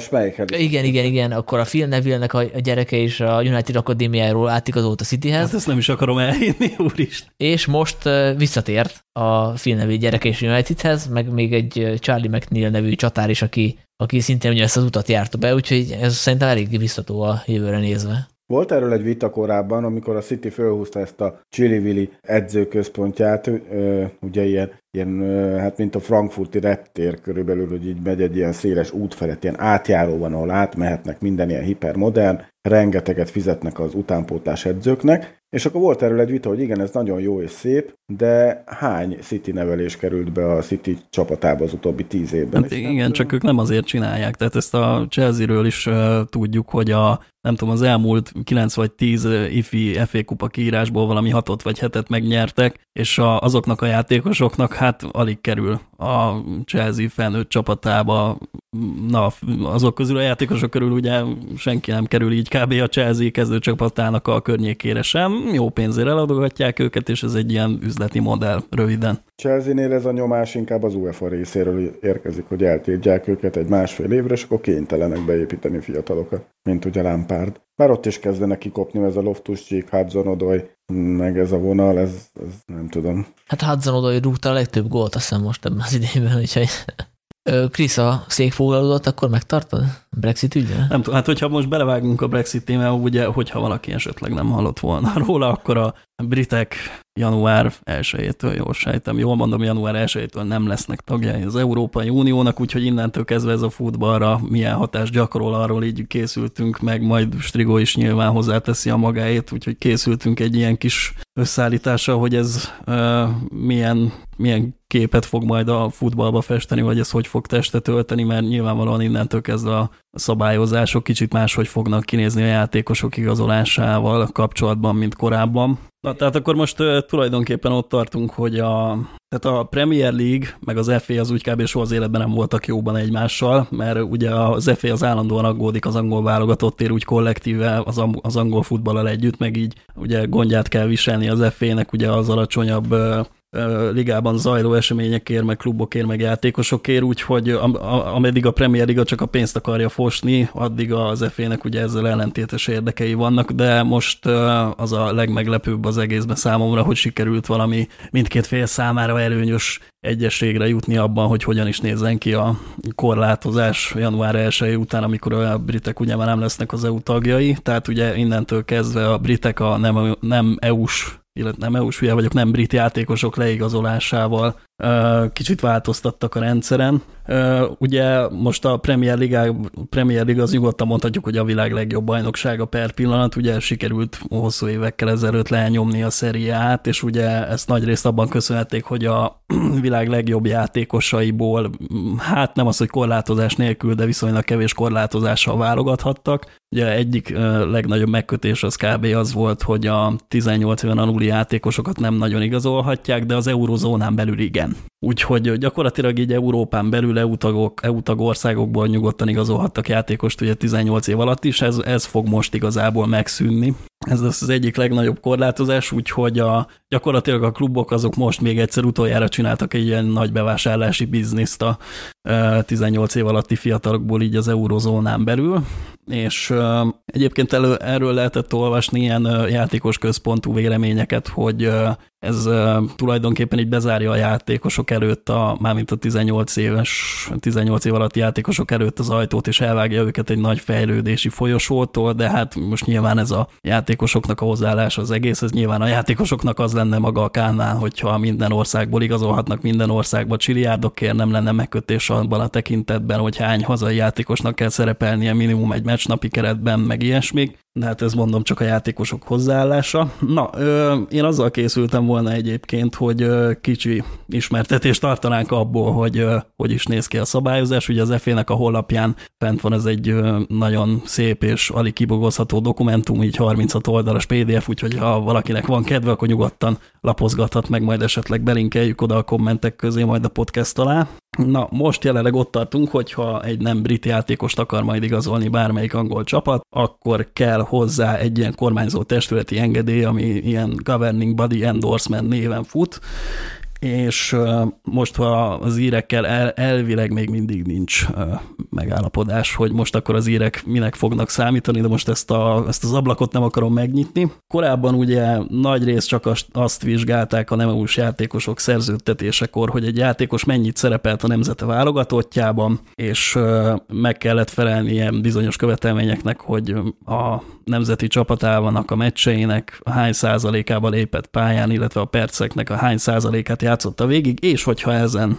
a rostán elhasalt, nem játszott eleget a nemzeti válogatottba, akkor figyelembe vették a saját klubjában való szerepléseit is, és akkor így lehetett mindenféle nagyon durván nem EU-s játékosnak mindenféle engedélyeket kitaposni. Hát most, hogy konkretizáljam a régi rendszert, az úgy nézett ki, hogy a leigazolni kívánt játékos a nemzeti meccseinek legalább 75%-an pályára kellett lépni az ezt megelőző két éves periódus alatt, és akkor ennek a nemzetnek a FIFA ranglistán legalább a 70. hely fölött kellett lennie, és hogyha ez nem teljesült, akkor pontrendszert alkottak gyakorlatilag, ami figyelembe vette a játékos szerepléseit a klubjában, amire bizonyos pontokat kapott a lejátszott percek után, és ebből kellett X mennyiségű pontot összeszedni, ami után szintén járt a munkaengedély. Ám ezt a nagyobb klubok meg tudták egy kicsit hekkelni, mivel ebben a pontrendszerben a szerepléseken kívül még a játékosért felajánlott átigazolási díj és a játékosnak a heti felajánlott fizetése is szerepelt, és nyilván ez is minél magasabb volt, annál több pont járt érte, úgyhogy ezt a nagyobb klubok viszonylag könnyedén meg tudták oldani, hogyha semmiféle rostán nem ment át a játékos, akkor egyszerűen csak felajánlottak érte egy nagyobb összeget, meg felajánlottak neki egy nagyobb szerződést, és a legjobb példa szerintem erre a Chelsea-ben ugye a Kennedynek az esete, akiért úgy fizettek ki 8 millió fontot 2015-ben, hogy igazából a tizedét nem érte volna valószínű a játékos, úgyhogy ez a másik nagyobb változás a megkötésekben, hogy ez a rész is ugrik, tehát a játékosoknak a felajánlott szerződés, meg az átigazolási díj az abszolút nem szerepel most már a kitételek között. Na, úgyhogy most már kicsit másabb az elbírálás, most gyakorlatilag minél lejjebb szerepel az adott nemzet a FIFA ranglistán, annál több meccsen kell szerepelni a delinkvensnek az engedélyhez, és annál több percet kell teljesíteni. Úgyhogy uh, nyilván, hogyha ilyen német, spanyol, meg francia bajnokságban játszol, akkor elég a válogatottban egy olyan 30 százalékán pályára lépni a meccseknek, és gyakorlatilag azonnal kapsz átigazolási engedélyt. De hogyha a nemzeted mondjuk az 50 vagy annál lejjebb szerepel a FIFA ranglistáján, akkor gyakorlatilag esélyed nincs bekerülni a Premier Ligába, és ez gyakorlatilag az se elég, hogyha a meccsek 100%-án pályára lépsz, de hát ez direkt azért lett így kitalálva, hogy kicsit a, hogy mondjam, a kecske meg a káposzta is meglegyen, és a kecske is jól lakjon, hogy ugye a Premier League-be szerették volna megőrizni azt, hogy azért továbbra is a világ legjobb játékosaiból lehessen válogatni, meg azért az FA is kicsit örüljön, tehát így most... Nem lesz tele San Marino csoda gyerekekkel az Premier League valószínűleg. Hát nem, eddig se volt, nyilván eddig se volt tele ö, ö, ilyen nemzetek játékosaival a Premier League, de gyakorlatilag azt szerette volna elérni az FA, hogy elég lehetőség jusson a saját angol játékosoknak, úgy, hogy közben azért a Premier Ligának is ki legyen nyalva tehát a Premier Ligában a játék színvonala ne essen vissza, meg az ott szereplő játékosok színvonala se induljon neki ilyen nagy zuhanásnak, hanem továbbra is tudnak viszonylag könnyedén igazolni a nagyobb bajnokságokból, és akkor ez egy biztosíték lesz arra, hogy a játék színvonala akkor az nem fog ilyen meredek átmenni. Na, de egyébként az általában Ugye a Premier Ligában azért nem közvetlen szokás amúgy se az ilyen alacs, alacsonyabb nemzetek játékosait le, leigazolni, tehát ilyen elefántcsontparti, meg hasonló játékosok eddig is voltak a Premier Ligában, de ők nem közvetlen lettek leigazolva soha, hanem ők ugye általában előbb mindig átjöttek vagy Franciaországba, vagy Portugáliába, tehát vannak ilyen úgymond kapu nemzetek, amik közvetítenek a Premier Liga felé. Ugye a portugálokkal, franciákkal, franciákkal elsősorban az ilyen, mert ugye a dél-amerikaiak ott szeretnek kikötni elsősorban, brazilok azok tömegével mennek át mindig Portugáliába, afrikaiak azonnal mennek át Franciaországba, és ugye, hát ezt, ezt láttuk ugye korábban, ugye a Drogba is Marseille-ből jött, Adebayor Monakóból, ugye John Obi Mikel meg Norvégiából, de most nem akarom itt tovább tovább sorolni a példákat, meg ugye a 2002-es, nem tudom, szenegáli csapat, ami a VB-n úgy nagyon vitézkedett és elvitte őket az egész Premier Liga, azok gyakorlatilag mindegyike a játékosoknak már Franciaországba focizott addigra, úgyhogy ja, akkor ezt, a, ezt az ablakot bezártuk, akkor a másik pontos változás, hogy átmentünk, hogy sehogyan nem lehet 18 év alatti játékost venni, és uh, majd most lesz egy kis kivágni való, mert most itt bogarászok közben a papírban, hogy mi az, amit már elmondtam, hogy mit nem. Ezt egyébként meg fogják kerülni a klubok ezt a 18 év alatti dolgot, mert ugye említettük itt a, a Manchester City, hogy mindenfelé vannak ez a City franchise klubok. Ezt több klub is tervezi. Liverpoolról konkrétan hallottam, hogy ők terveznek nem új klubot létrehozni, hanem megvásárolni egy úgymond nem top Európa ligás, európai ligás klubot, tehát itt a holland, belga, dán, ilyesmi csapatoknál, hogy létrehozzanak egy fiók csapatot, de nem azon a hagyományos fiók csapat működése, mint mondjuk a Chelsea csinálta a Willem Tvével, azt hiszem az volt a holland csapatuk, vagy nekünk volt a, a Royal Antwerpen még a 2000-es évek elején, hanem eleve a 18 éves játékosokat ezekhez a klubokhoz igazolni. Hát oda ott el lehet majd parkoltatni őket, aztán amikor a betöltik a 18-ot. Meg ja. ott nyilván kapnak egy olyan képzést, mint amit megkapnának a, az első csapatnál, vagy hát nem az első csapatnál, hanem a City, vagy a Chelsea, vagy a Liverpool akadémiáján, tehát egy hasonló kiszervezett akadémia, és utána igazolják le majd a csapathoz, hogyha megfelel. Tehát így még tulajdonképp a kockázat is kisebb, és lehet, hogy olyan játékosok, akiket eddig a Chelsea bespájzolt 20-asával, ezek közül a játékosok közül lehet, hogy csak kettő-három fogja magáról elmondani, hogy valaha is Chelsea játékos volt, mert mondjuk a Willem be játszott, vagy a nem tudom, a Michilánba, már a Michiland az ennél nagyobb klub, hogy, hogy ilyenbe hogy komolyabban belemenjen. Tehát a 18 éves játékos az azt jelenti, hogy például Pogbát nem tudnánk leigazolni a jövő évtől érvényes szabályok szerint. Gyakorlatilag, ja. Na, próbaképpen csináltam egyébként egy összehasonlítást, és próbáltam megnézni, hogy esetleg ránk magyarokra nézve mit jelent majd ez. Tulajdonképpen ez az új szabályozás, és én Gera Zoltát vettem példaképpen, de hát nyugodtan vettem volna akár Király Gábort vagy Torgelét is, akik ugye egy nagy hullámban eligazoltak a Premier Ligába akkor, amikor Magyarország csatlakozott az Európai Unióhoz. Na, ugye a régi regulációk szerint ugye nyilván azért nem volt engedélyre szükség nekik, mert 2004. május 1 óta vagy vagyunk teljes értékű tagjai az EU-nak, szóval ez gyakorlatilag mindegy is, de most már január 1-től kéne nekik is az engedély, úgyhogy megnéztem, hogy mennyire lenne könnyű, vagy nehéz az ő útjuk a Premier Ligában, a magyar bajnokságokból. Úgyhogy megnéztem, hogy mi lett volna akkor, hogyha mai korlátozások lettek volna érvényben úgy jó 15 éve is, amikor ugye Gerard Zoli 2004. július 30-án ment át a Fradiból a West Bromwich Albionba, úgyhogy 2002. július 30-ig összeszedtem a válogatottunk tét meccseit, és azt, hogy ezekből hányan lépett pályára Gerard Zoli, és ez ugye mindenféle selejtezőkkel, meg négy, nemzet tornákkal együtt összesen 12 tét meccset jelent, hát ugye EB-re, VB-re értelemszerűen nem jutottunk ki, és akkor itt Zoli olyan 8 pályára lépés produkált, és az gyakorlatilag mindegy, hogy kezdőként, meg csereként, meg hány percet töltött pályán, mert azt ilyenkor még nem vizsgálják, és ez egy ilyen elég gyenge kétharmados arány, ami 67 százalék, ez abszolút kevés az engedélyhez.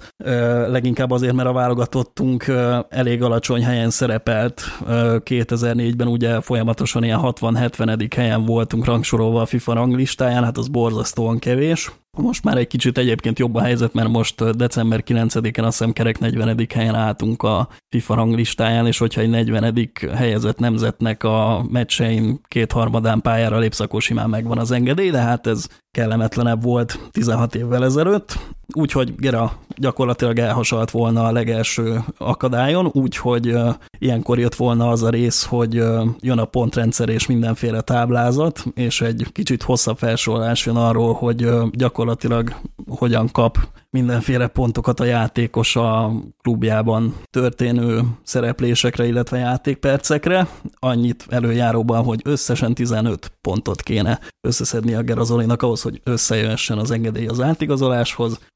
Ugye a mindenféle európai és más egyéb, világ más egyéb pontjain zajló bajnokságokat a, az FA az így úgymond csoportokba sorolja az erősségük szerint. Hat különböző csoportba sorolja őket egyébként. Nyilván az első csoportban a legjobb öt bajnokság szerepel, amiben egyébként a Premier Liga is benne van, mert ha a Premier Ligával játszol és eligazolsz, de később visszajönnél, akkor gyakorlatilag újra engedélyért kell folyamodni és úgyhogy ezért szerepel a Premier Liga a legelső csoportban. A Magyar Bajnokság egyébként a legalsó, a hatodik csoportba szerepel, úgyhogy nem jártunk valami jól ezzel.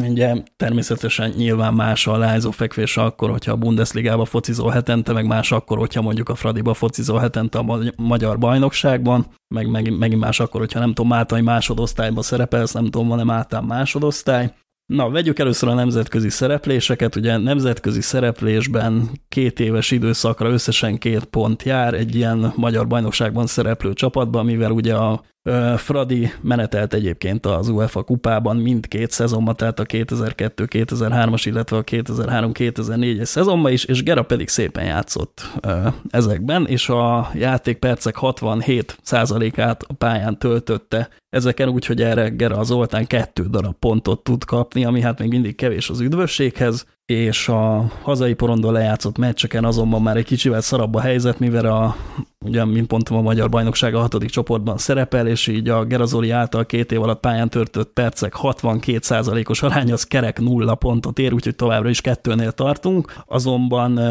itt van ez az újdonság, hogy a csapat hazai bajnoki szereplése, illetve a bajnoki helyezése évvégén újabb pontokat jelenthet, már pedig a Fradi az a 2002-2003-as bajnokságban a második lett, és az egy évvel későbbi kiírás pedig megnyerte, úgyhogy ez további plusz egy pontot jelent Gera Zoltának, úgyhogy háromnál tartunk a 15-ből, és akkor erre még rájön az, hogy a Fradi a nemzetközi szereplések során hanyadik helyen ért, hát úgymond célba, itt meg egy kicsit okoskodni kell, mivel az Európa Liga az ugye jelenleg csoportkörös lebonyolítás, ugye a 2000-es években még kieséses rendszer volt csak. Úgyhogy a Fradi az a 2002-ben eljutott a 32-es szakasz előtti körig, amire újabb két pont jár, úgyhogy ez összesen 5 darab pont a 15-ből, amivel Gerazoli semmiféle engedélyt nem kapott volna, és hogyha netán valahol 10 és 14 pont között lenne az összesítés, akkor még mindig lehetne egy cífe szóló dokumentációt összeállítani az FA-nek, hogy hát itt mindenféle sérülések akadályozták abban, hogy több pontot szedjen össze, aztán ezt vagy elfogadja a bíráló testület, vagy nem, de hát ezzel az öt pont a lényeg, hogy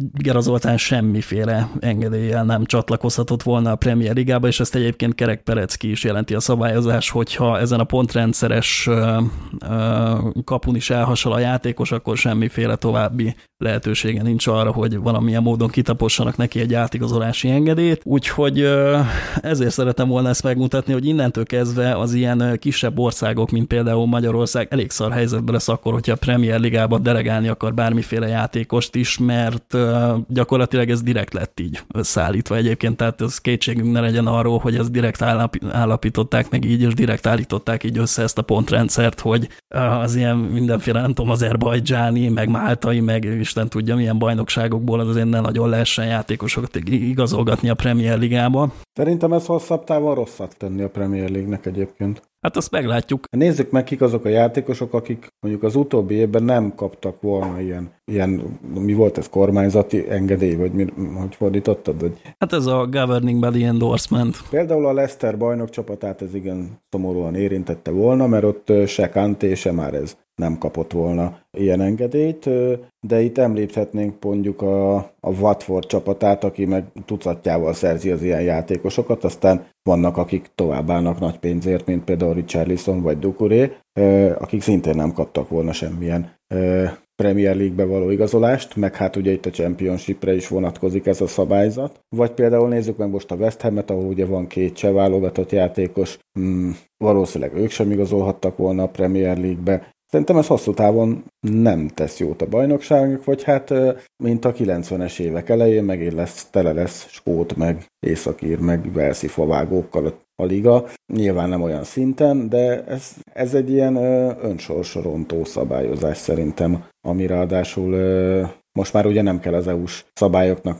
megfelelni, tehát nyugodtan lehet protekcionista ez, a, ez az angol szövetség, de hogy ettől jobb nem lesz az angol foci, legalábbis a középmezőny, meg a, meg a championship-be ingázó csapatoknak ez nagyon-nagyon komoly beszűkülését jelenti a lehetséges piacnak, az biztos, úgyhogy ez hosszabb távon szerintem öntökön szúrás. Hát ö, meglátjuk, hogy mi lesz hosszabb távon. Most ö, nem tudom, én azon a véleményem vagyok, hogy igazából az ilyen komolyabb bajnokságokból továbbra is könnyedén fognak tudni igazolni. Aztán meglátjuk, hogy ennek mi lesz a vége. Most például a nem tudom, az ilyen bajnokságok, mint a Bundesliga, az lehet, hogy per pillanat jobban fog járni, ezzel a megkötése ugye 18 év alatt nem fog semmiféle játékos menni ugye a Premier Ligába, hogy náluk simán mehet továbbra is a 18 év alatti igazolgatás bármilyen nemzetből, náluk annyi megkötés van, Sőt, ugye, hogy például a... Például Angliából is. Mint látjuk most Bell Bellingham esetét, tehát ez oda-vissza nem működik, csak csak oda, tehát oda nem mehetnek. Angliából simán elhúzhatnak a játékosok. Nem, nem, ez nagyon buta szabályozás lesz szerintem. Ez,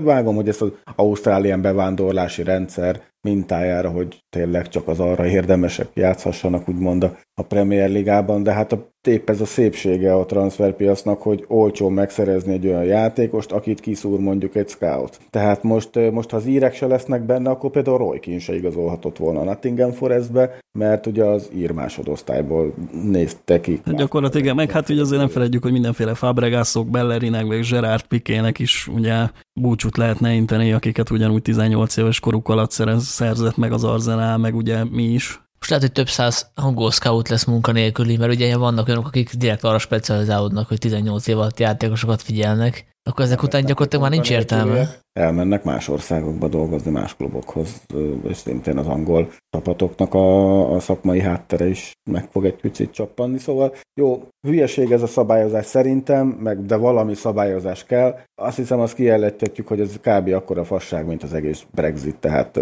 nem tudom, nincs értelme, hogy ez az egész megtörtént. Értem 8 évet Angliában, én, én, én nem értem ezt az egészet. Tehát én dolgoztam olyan helyen, ahol áruházban, ahol árultuk a, spanyol gyümölcsöt, a sprendė uh, munkásnak. Hát, hogy is mondjam, ez most azért kicsit, kicsit nehezebb lesz a Brexit után. De láthattuk itt, még nem Brexit volt, csak ilyen vírus miatti lezárás és ilyen kilométeres kamionos, kamionsorok voltak.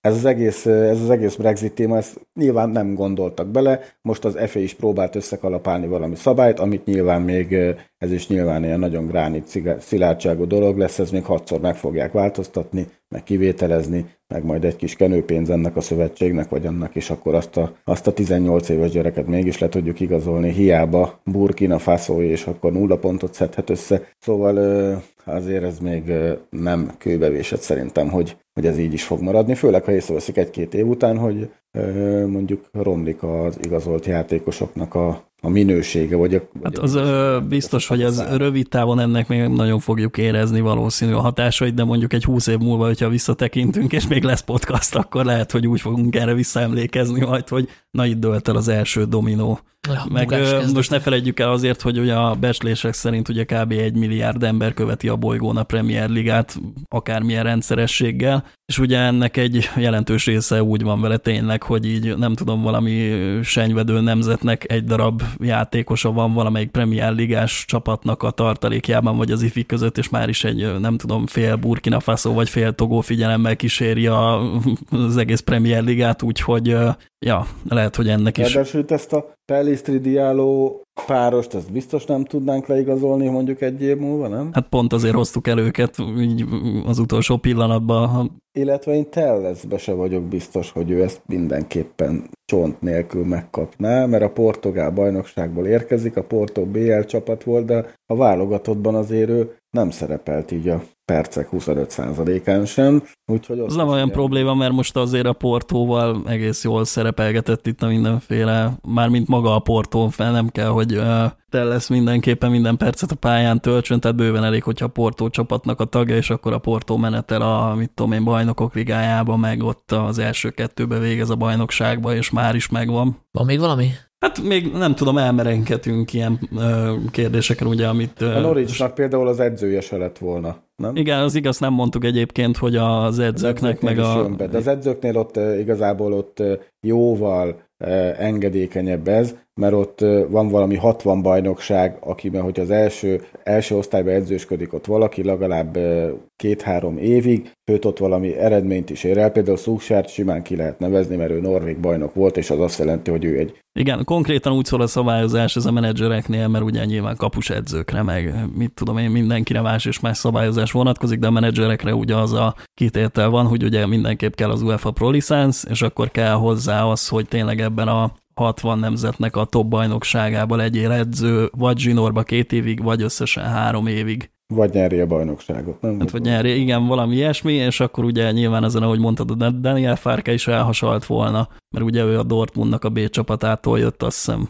a Norwichhoz egyenesen többek között, de meg, meg rengeteg ilyen assistant manager, meg, meg, meg, meg kapusedző, vagy hasonló, akik hoznak, akiket hoznak magukkal a külföldi menedzserek, azok nem kaptak volna Angliában. Igen, mert hogy ezt ne felejtjük, az általában úgy szokott lenni, hogy minden edző, vagy minden menedzser hozza magával a kis tábját, hogy a Bielsa is ezt csinálta, Mourinho is így szokta csinálni, meg Guardiola is ezt csinálja nyilvánvalóan, úgyhogy ilyenkor, ha egy klubnál menedzserváltás van, akkor ez többnyire azt jelenti, hogy akkor megy, megy, megy nem tudom, az erőléti edző, az összes gyúró, a kapus edző, meg a nem tudom, ilyen-olyan analista, meg mindenki. Ja, és akkor ezek általában a, hát nyilván valamiféle kvalifikációval rendelkező egyének, de azért mégiscsak az edző haverjai, akivel már mit tudom én 15 éve együtt tudnak dolgozni, aztán vagy, vagy megfelelnek ezeknek a kitételeknek, vagy nem. Visszakötnék egy pillanatra a koronavírusos beszélgetéshez, mert most közben történt egy breaking, ami miatt lehet, hogy felül lesz írva, amit beszéltünk, tehát hogy ki hogy bírja ezt a járványtempót, mert most azon gondolkoznak a klubok, hogy két hetes szünetet tartanak következő hónapban, mert hogy ugye most már úgy néz ki, hogy a Fulhamnél is több eset van, és lehet, hogy elmarad a Fulham Spurs meccs, úgyhogy elképzelhető, hogy lesz egy kéthetes szünet januárban. Nekem az volt itt, én gondolkoztam ezen valamelyik nap, hogy mi, mi, most kezdenek ezek megszaporodni. Én el tudom képzelni, hogy, hogy ennek az FA kupa fogja a kárát látni ennek a, ennek a mostani koronavírus újra sokadik hullámnak, mert igazából most már nincsen milyen meccseket kivenni a szezonból, és ugye az EB meg valószínűleg meg lesz tartva. Én el tudom képzelni, hogy nem lesz FA kupának befejezése, vagy csak jövőre, vagy, vagy hát a következő szezonban. Nem tudom, ne így legyen.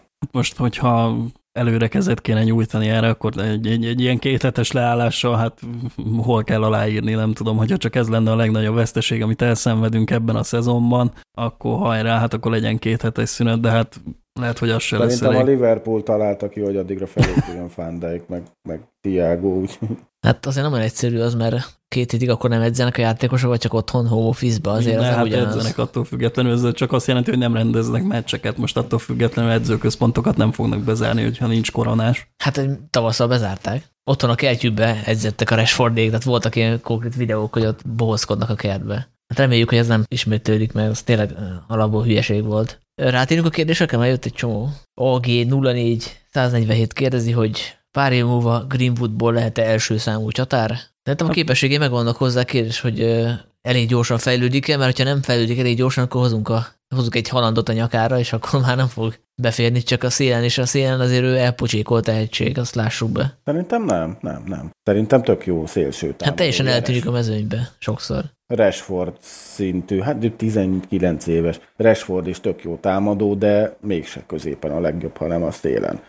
Két lábas, támadja a kaput rendesen mindenhonnan. Én nem csatárnak mondanám, hanem ő belőle lehet kezdőcsapatba támadó simán. És még nem is feltétlenül az elkövetkező egy-két évben. Hát most mindenképp valami inside forward legyen ott a kapu előterében, aztán lövöldözzön. Hát ugye a legnagyobb probléma az, hogy ez gyakorlatilag minden sportágban így van, hogy a leges legnagyobb akadály, meg a leges legnagyobb szintkülönbség az az ifjúből a felnőttbe való átkerülés, tehát semmi ilyen U15 meg U17 között, meg U17 meg U19 között nincsen ekkora szintkülönbség, mint a legutolsó korosztályos csapatból felkerülni a felnőttek közé, és ez állandó lútri, hogy ezt a játékos hogyan fogja átvészelni, meg hogyan fogja megcsinálni, hogy fog kinézni a formája a felnőttek között, mennyire lesz egyenletes, mennyire fog ingadozni, hát most könnyen lehet, hogy Greenwood ebbe a kalapba fog beleesni, hogy neki egy ilyen jó kis hullámzó teljesítménye lesz ilyen több szezonra vetítve a felnőttek között, most amikor beledobva a mélyvízbe, akkor robbantott egy nagyon jó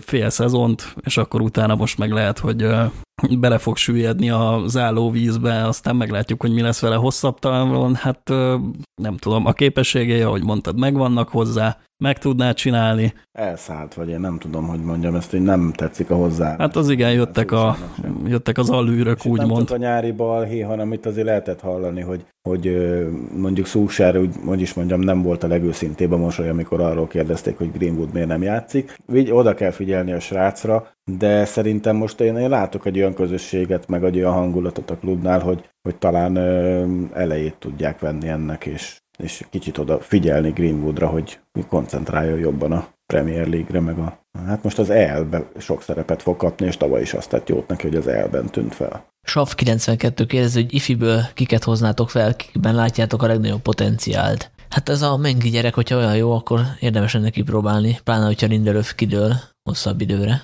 Illetve van a Garner nevű középpályásunk, aki kölcsönben játszik. A kölcsönben játszik, a Watfordban van, nem? Igen, és hogyha ő beválik, akkor mindenképp az év végén visszahozni. Én nem ismerem most annyira az utánpótlás csapatokat, pláne, hogy most ők se játszottak meccset, vagy fél évig, vagy nem tudom. Hát egy ilyen hét elég, meccsük van összesen eddig. Elég sokáig. Néztem egy, egy fél meccset, a Chelsea ellen játszottuk a, talán a tavalyi U23 kupát, vagy U18 kupának a, a visszavágóját, vagy, vagy, vagy hát nem is tudom, le, le, lehet, hogy egy meccses volt már csak, és úgy igazából nekem nagyon senki nem emelkedett ki, bár itt a, kommentek között azért feltűnik néha egy-egy szakértő, aki nézi a United TV-t, és sír, hogy vannak tehetséges gyerekek. Szerintem épp elég lenne az, hogyha Greenwood és Williams mondjuk több percet kapna idén, és ők legalább beépülnének. Hát most igen, kicsit, kicsit igyekeztem itt belásni magam ebbe a témába, amikor megláttam a kérdést. Hát most Ugye ott tartunk, hogy az állandó nevek, akik felbukkannak, az ugye az Galbraith, ugye az Elanga, ki tudom, Maybrit lehetne még emlegetni, meg a Pujmá vagy Puzsmá, hogyha kommentátoroknak a kiejtését akarjuk alkalmazni, hát ők azok, akik állandóan előkerülnek. Én hát nem tudom, Pujmából vagy Puzsmából én kinézném, hogy egy olyan egy-két meccsen meg lehetne nézni őt is, hogy mit tud, de igazából most a nagyobb probléma az, hogy a, most hol kapjanak lehetőséget, ugye két meccs marad hátra a ligakupából, nyilván a bajnokságban nem fogja őket azonnal szúsára mély vízbe beledobni, meg itt azért számíthatunk rá, hogy az összes bajnoki meccsbe úgy kell beleálljunk, hogy ott minden létező pontra szükségünk van, úgyhogy nem, nem ez lesz az a szezon, ahol elkezdünk velük kísérletezni. Ők amúgy nem külön készülnek? Hogy így az első csapattól elzártan, itt a Covid szabályok miatt? Én úgy tudom, hogy igen, de viszont erre. most háromman is fölkerültek a nagy csapathoz. Van, igen, ezt szokták néha egyébként a jó teljesítményt azzal díjazni, hogy nem feltétlen szerepelnek, ugye nyilván még a felnőtt keretbe, csak együtt tetszetnek a felnőttekkel, az is egy ilyen elég, elég jó kis motiváció tud nekik lenni, ez eddig is divat volt, aztán most pontosan nem tudom, nyilván nem nézünk végig minden edzést, hogy most épp kikerült fel a felnőttek közé, de ja, ennek a szabályozás véget vetett, tehát elvileg nem edzhetnek együtt. M. Kino kérdezi, hogy mi a prioritás a kupákban. Ugye Liga Kupa, FA Kupa vagy Európa Liga, és itt megemlíti azt, hogy Szúrsiár valószínűleg nagyon szeretné a Liga Kupát, mert hogy szerinte a 2008-as B1 győztes csapatnak az nagyon fontos volt, hogy 2006-ban megnyerték a Liga Kupát. Hát ez szerintem inkább valamilyen trófea fontos lenne Szúrsárnak, mert ugye a Liga Kupát a legkönnyebb megnyerni, nem csak azért, mert nem veszik annyian komolyan. Hát kivéve a city komolyan veszik sajnos, és pont hát, velük játszunk. Igen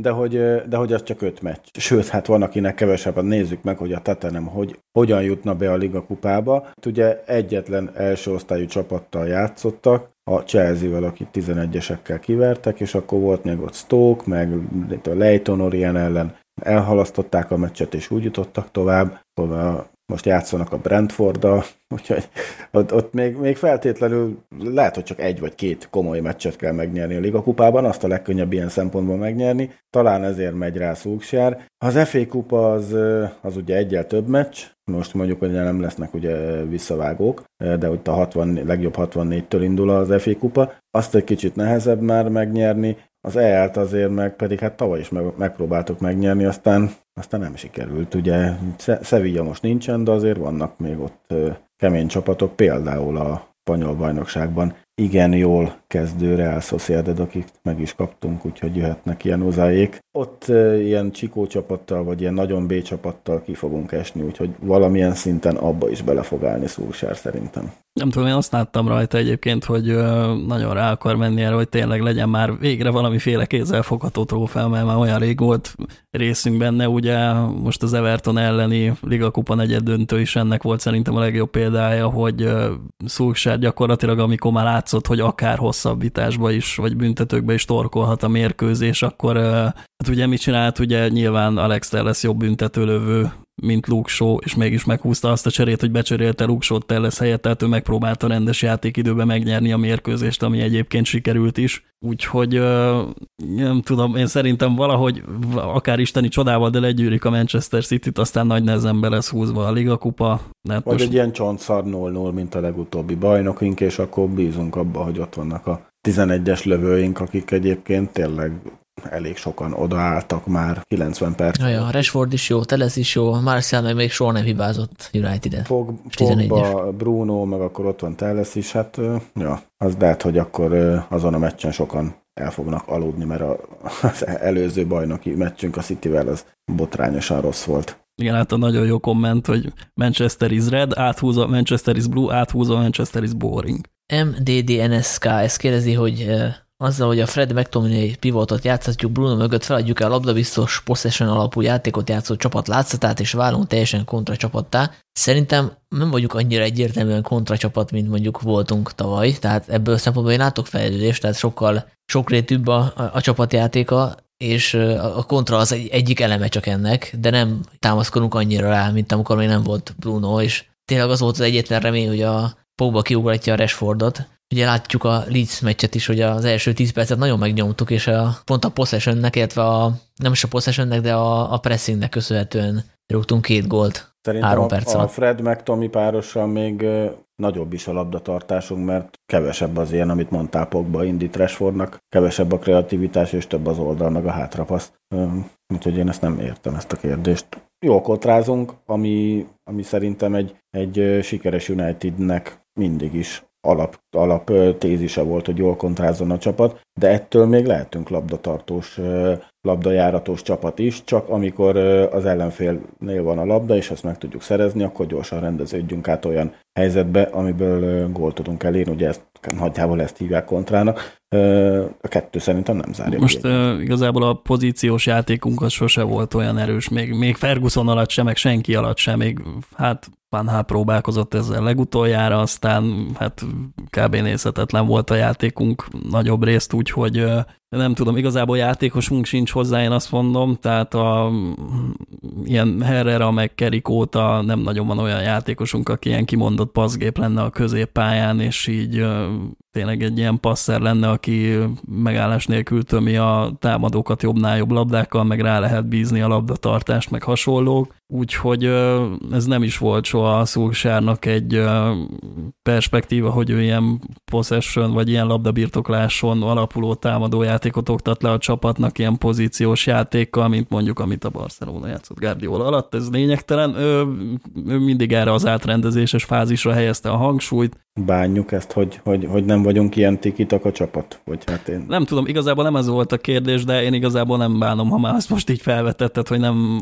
vagyunk ö, ilyen tikitakás csapat, bár egyébként, hogyha ezt vettem észre magamon, hogyha én esetleg leülök fifázni, akkor mindig ide, ide tendel a játékképe szeretem tartogatni a labdát, de nézni utálom. Szóval nekem továbbra is az a játék tetszik, amivel 2007-2008 környékén le lett söpörve fél Európa, villámgyors, kombinatív, gólra törő, ilyen egy-két húzás alatt zseniális megmozdulásokkal ott vagyunk a kap előtt, úgyhogy az ellenfél kettőt pislog, és akkor lehet közepet kezdeni.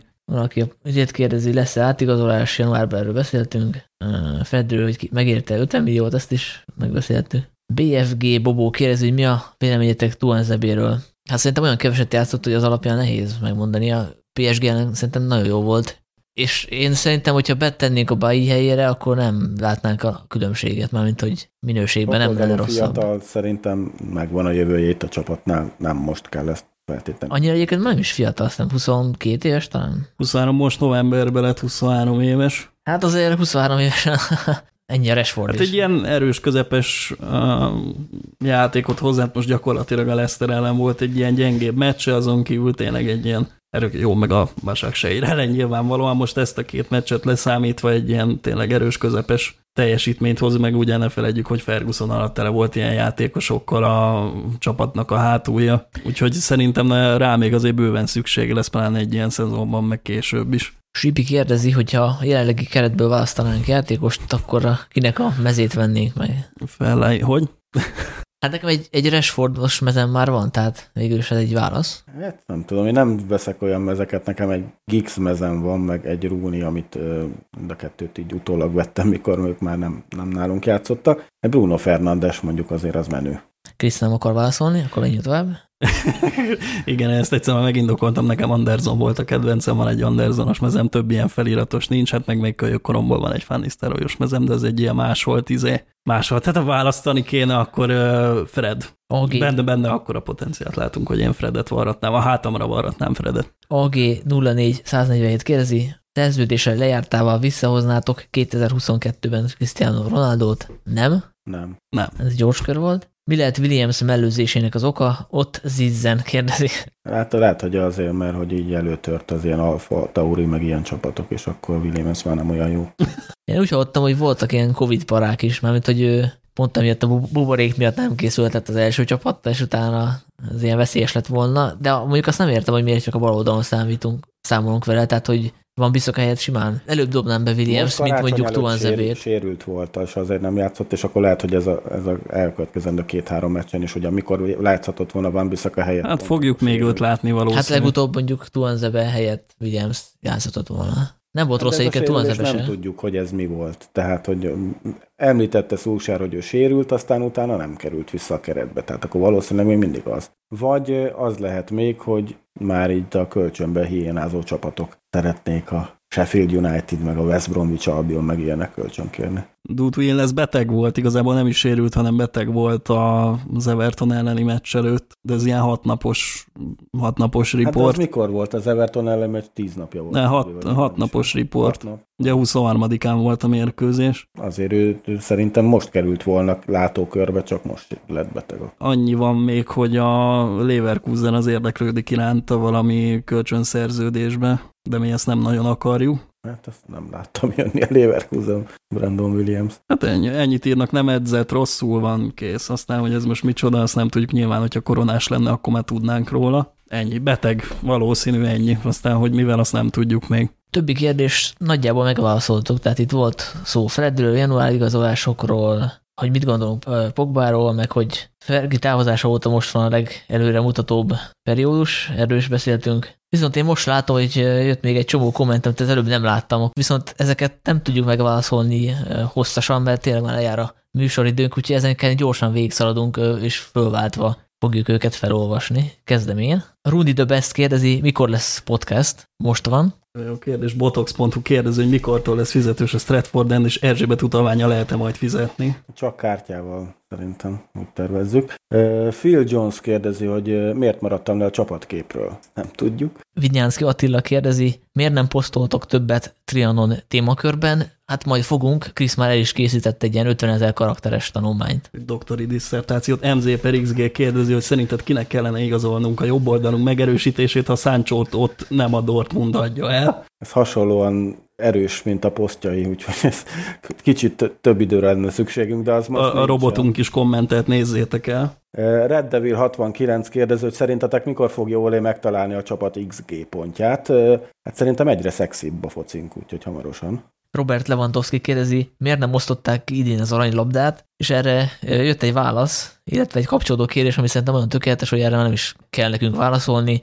Bayern Zsolt válaszolt, kinek a féreg kurva anyja ítélte oda Kloppnak meg Bielsának az évezője címet, és miért nem Flick kapta a Stipondró gecik? Jó, Big Fat Sam kérdezi, melyik csapatok fognak kiesni a Premier League-ből. Négy nóra égnek a félidőben a Leeds ellen, úgyhogy ezt lehet, hogy magától kéne megkérdeznie szerintem. Itt a Spiller TV kérdez, hogy mikor kezdődik már a Liverpool meccs, hát ezt szarunk bele. Nagyon várják. Peti K231 kérdezi, hány fényéről van tőlünk a Lampard és a Chelsea? Hát nem tudom, de nagyjából annyira, mint Arteta és az Arsenal. Jó, Minora, Minora Ajola official. Mennyit adnátok Pogbaért januárban? Ja, nem ide. Aztán Mikel Arteta kérdezi, hogy hogyan lehet lejjebb állítani a fokozatot FIFA 21-ben. És miért nem nyúl Ole bátrabban a fiatalokhoz, kérdezi Kaleta Gábor. Van Biszak a harmadik barátnője kérdezi, hogy most akkor csütörtökönként nem tud-e átjönni. É, pedig itt Stevie Gerard kérdezi, hogy idén hány tizit fog kapni a Worcester United, LOL 2.d, ezt nem is értem. Az összeset mi kapjuk. Marcelo Bielsa kérdezi, donde puedo encontrar la escuela de idiomas más cercana, but we did play very well. Sajnos nincs nálunk a Stratford Ed állandó spanyol tolmács, úgyhogy nem Nem tudom. XG-nek átadjuk a fordítást. Szajré József kommentje, elmaradt a tervezett szilveszteri buli, és rajtam maradt egy kis, aki kell valakinek? Itt látom, hogy több jogi kérdés is érkezett, nem tudom, köztünk nincs jogász, de a hallgatók között lehet, hogy van. Szaka 89 kérdezi, hogy utólag lehet-e kiesési záradékot betenni egy szerződésbe. The Real Mesut Özil kérdezi, kötelezhet-e a munkaadó otthoni munkavégzésre, és akkor a utolsó kérdést Trigó válaszolja meg. Igen, ezt Jörg Mutterficker tette fel, hogy ugye idén nem marad el a szilveszteri poszt. Hát szilveszteri podcastet kaptatok helyette, én őszintén szóval próbáltam előre megjósolni, hogy mi történt 2025-ben, de egy olyan évben, ahol az aranylabdát nem osztják ki, mert nem Messi vagy Ronaldo kapná, illetve ahol egy gálán megválasztják George Mendes az évszázad játékos ügynökének, ott azt hiszem, hogy a valóság az felülírt minden képzelt poénkodást, úgyhogy meg hát 2020-nak most már kurvára vége lehetne, úgyhogy, úgyhogy nem lesz szilveszteri poszt. Hát ezt sajnáljuk. Jó, akkor ideiglenesen talán lezárjuk ezt a podcastet, mert ugye elég hosszúra nyúlt, viszont meg fogjuk most tekinteni a, a Wolves elleni meccset, és ha minden igaz, akkor utána még egy ilyen 10 perces villámértékelést tartunk. Marcus Rashford electing to keep hold, electing to shoot and getting the deflection and getting the winner deep into added time. It looked like he may have held on too long, but Manchester United find a way late on as Wolves are crestfallen. Akkor visszajöttünk egy epilógusra, véget ért a Wolves elleni meccs, győztünk egy nullára, mint azt nyilván tudjátok. és most nem lesz egy mély elemzés, de én csak szeretnék visszautalni pár dologra, amiket a podcast során elmondtam. Az egyik az az volt, hogy van visszak a hasznossága. Nem tudom, hogy ti hogy vagytok vele, de hogyha lenne hajam, akkor én ezt most nagyon durván téptem volna minden egyes alkalommal, amikor megkapta a labdát a felező vonalon túl, vagy a 16-os előterében, az ellenfél 16-osának előterében, és minden egyes kibaszott alkalommal azt csinálta, hogy úgy csinál, mint elindul, elindulna előre, aztán rájön, hogy az meghaladja a képességeit, visszafordul és lepasszolja a labdát annak, akitől kapta. Tökre ülök, hogy nyertünk egy nullra, de hogyha ott van egy olyan szélső, aki beadni is tud, mondjuk egy Williams, aki mondjuk nem sokkal jobb, de azért egy, egy szinte jobb, meg jobb lábas, akkor lehet, hogy nem kellett volna a 94. percig várni, hogy lássuk egy gólt, mert hogy volt bent egy ember, aki tud fejelni, a Cavani, és ehhez képest nulla beadást kapott a jobb oldalról. Hát ezzel nagyon nem értek egyet. Hát a bal oldalról is nulla, bead, nulla hasznos beadás érkezett. Telesz olyan szar volt, hogy le kellett cserélni. Só se a nagyon adott be bal oldalról, meg hát ott volt a Saiz Kódi páros középen, akik minden létező légi veszélyt el. Mindenki, mindenkinek baromira nem hiányzott ez a meccs szerintem, úgyhogy mindenki egy másfél fokozattal tompább volt. Hát most uh, itt a hét közepén este kilenckor, ami ugye oda ki 8 óra, hát mínusz egy fokba, vagy nem tudom mennyi volt ott az idő, úgyhogy már egy két hónapja játszunk három naponta egymás után. Igen, mondjuk van Bissakán én is azt láttam, hogy ugye vannak azok a hátvédek, akik testcselekkel próbálkoznak, hogy szöget nyissanak maguknak a beadásokhoz, van Bissaka azzal próbálkozott, hogy szöget nyisson magának egy visszapasszhoz, amit hát a legtöbbször sikerült megoldani, de hát beér nem vele. Hát jó, Valencia 2.0 élmény nekem, mert neki ugye nem volt ballába, van Bisszakának van, csak nem tud beadni egyik se. Nyilván sokkal jobb, mint a Valencia, tehát ez nem kérdés, meg az is se kérdés, hogy világklasszis védekezésbe, meg hogyha ő nem fáradt, és rápiált a meccsre, akkor se igazán tud kreatív megoldásokkal élni, és nem tudom, hogy azért, mert, mert nem mer, vagy, vagy ismeri annyira a képességeit, hogy akkor inkább meg se próbálja. De nem akarok ezzel rugózni, mert hogy van egy másik. Ne uh... is, mert, mert ez fölösleges. Szerintem a legrosszabb egyébként te lesz volt, aki abszolút jogosan lecserélt Szóksára fél időben.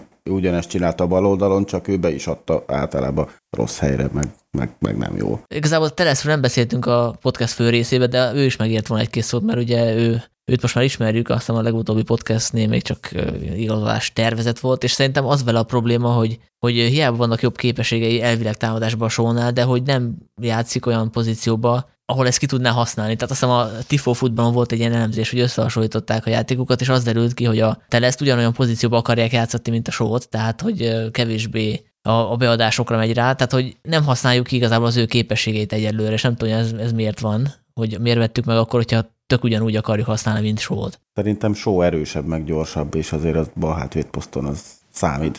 Védekezésben hát is többet tesz hozzá. Ma jobb volt, szerintem az egyértelmű, igen. Hát igen. meg úgy, úgy, mostanában, mióta Só visszajött a sérüléséből, te lesz azóta egyszer-kétszer le lett cserélve, úgyhogy vagy Só is ott volt a pályán, vagy Só érkezett helyette. Én, én egyelőre Szúksárhoz hasonlóan szerintem nem vagyok elájulva te lesz teljesítményétől. De ti azt értitek, hogy miért show jön be, amikor arról van szó, hogy támadnunk kéne? Ugye ez volt a legutóbbi meccsen is a Gorra. De Everton ellen igen, igen, igen, igen, igen, igen, és akkor a Telleszt, aki elvileg a támadóbb balbekünk, lecseréltük a sóra.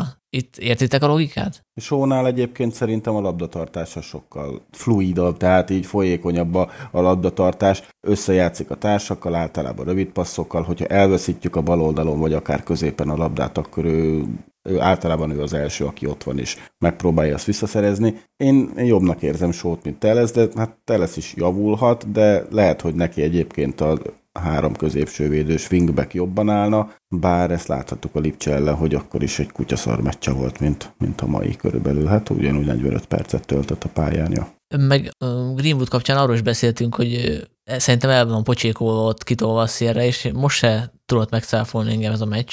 Greenwood nekem egyébként ma jobban tetszett, mint Cavani például, tehát több dolgot csinált, mondjuk a semminél nem nehéz több dolgot csinálni. Többször is visszazárt, próbált ott a jobb oldalon kombinálni, volt egy-két 16-oson belüli cselezgetése, de hát azért ehhez a meccshez tegyük hozzá, hogy ez nagyon nehéz volt. Tehát Rashford, mikor ugye eleve egy kiugrás után volt a 94. percben a Rashford helyzete, de mikor lőtt, megszámoltam, 7 Wolves játékos volt a 16-oson belül. Tehát itt nem nagyon lehetett így gameplanről beszélni, mert átlövés blokkolták, beadásokat kifejelték, ha cselezni próbáltak, akkor ott volt három ember, akin még Rashford meg Martial se tudja átvinni, tehát ez egy nagyon nehéz uh, mérkőzés volt így támadó szempontból, és azt hiszem nem véletlen, hogy a utóbbi négy Wolves meccsünkön összesen volt két gól. De ezen azt se segített igazából, hogy a, a Pogba néha szereptévesztésbe volt szerintem, tehát hogy ő a Bruno pozíciójára tölt, és kevésbé fegyelmezetten zárt vissza. Tehát amikor azt mondtam, hogy kéne még egy középső középpályás a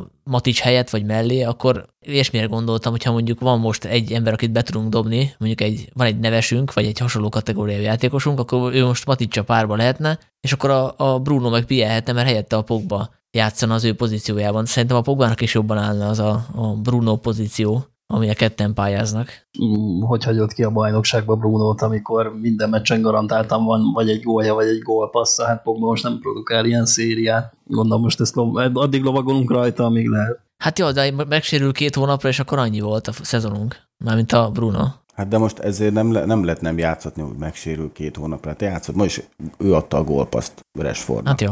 De egyébként Pogba is jó volt szerintem a második fél időben főleg. Wolves annyira visszahúzódott, hogy persze, hogy előre ment Pogba, hát mit csináljon? Mátics elég volt ott. Hát most Mátics ott volt a védelem előtt, igen. Most Pogba itt a hőtérkép is nézem itt a 20, 20 kordon, mert a FBRF-en még nincs benne semmiféle statisztika nagy bánatomra, úgy kedvenc oldalamon, de itt is annyi volt tulajdonképpen, hogy Mátics ült a védelem előtt, és akkor Pogba ingázott box to box körülbelül, és akkor Fernándes megpróbált irányítani. Viszont ha már a szegény Dehát szittuk, akkor itt szerintem érdemes megjegyezni, hogy most azért volt egy-két egészen világklasszis gyanús védése. De ha szerintem egész, most egész normális teljesítmény nyújtott volt egy-két nagy fogásra. Nekem én gondolkodtam rajta, hogy győztes gólunk, igen, azt mondtam volna, hogy, hogy ha választani kéne meccsemberét, akkor talán de hát mondanám, de...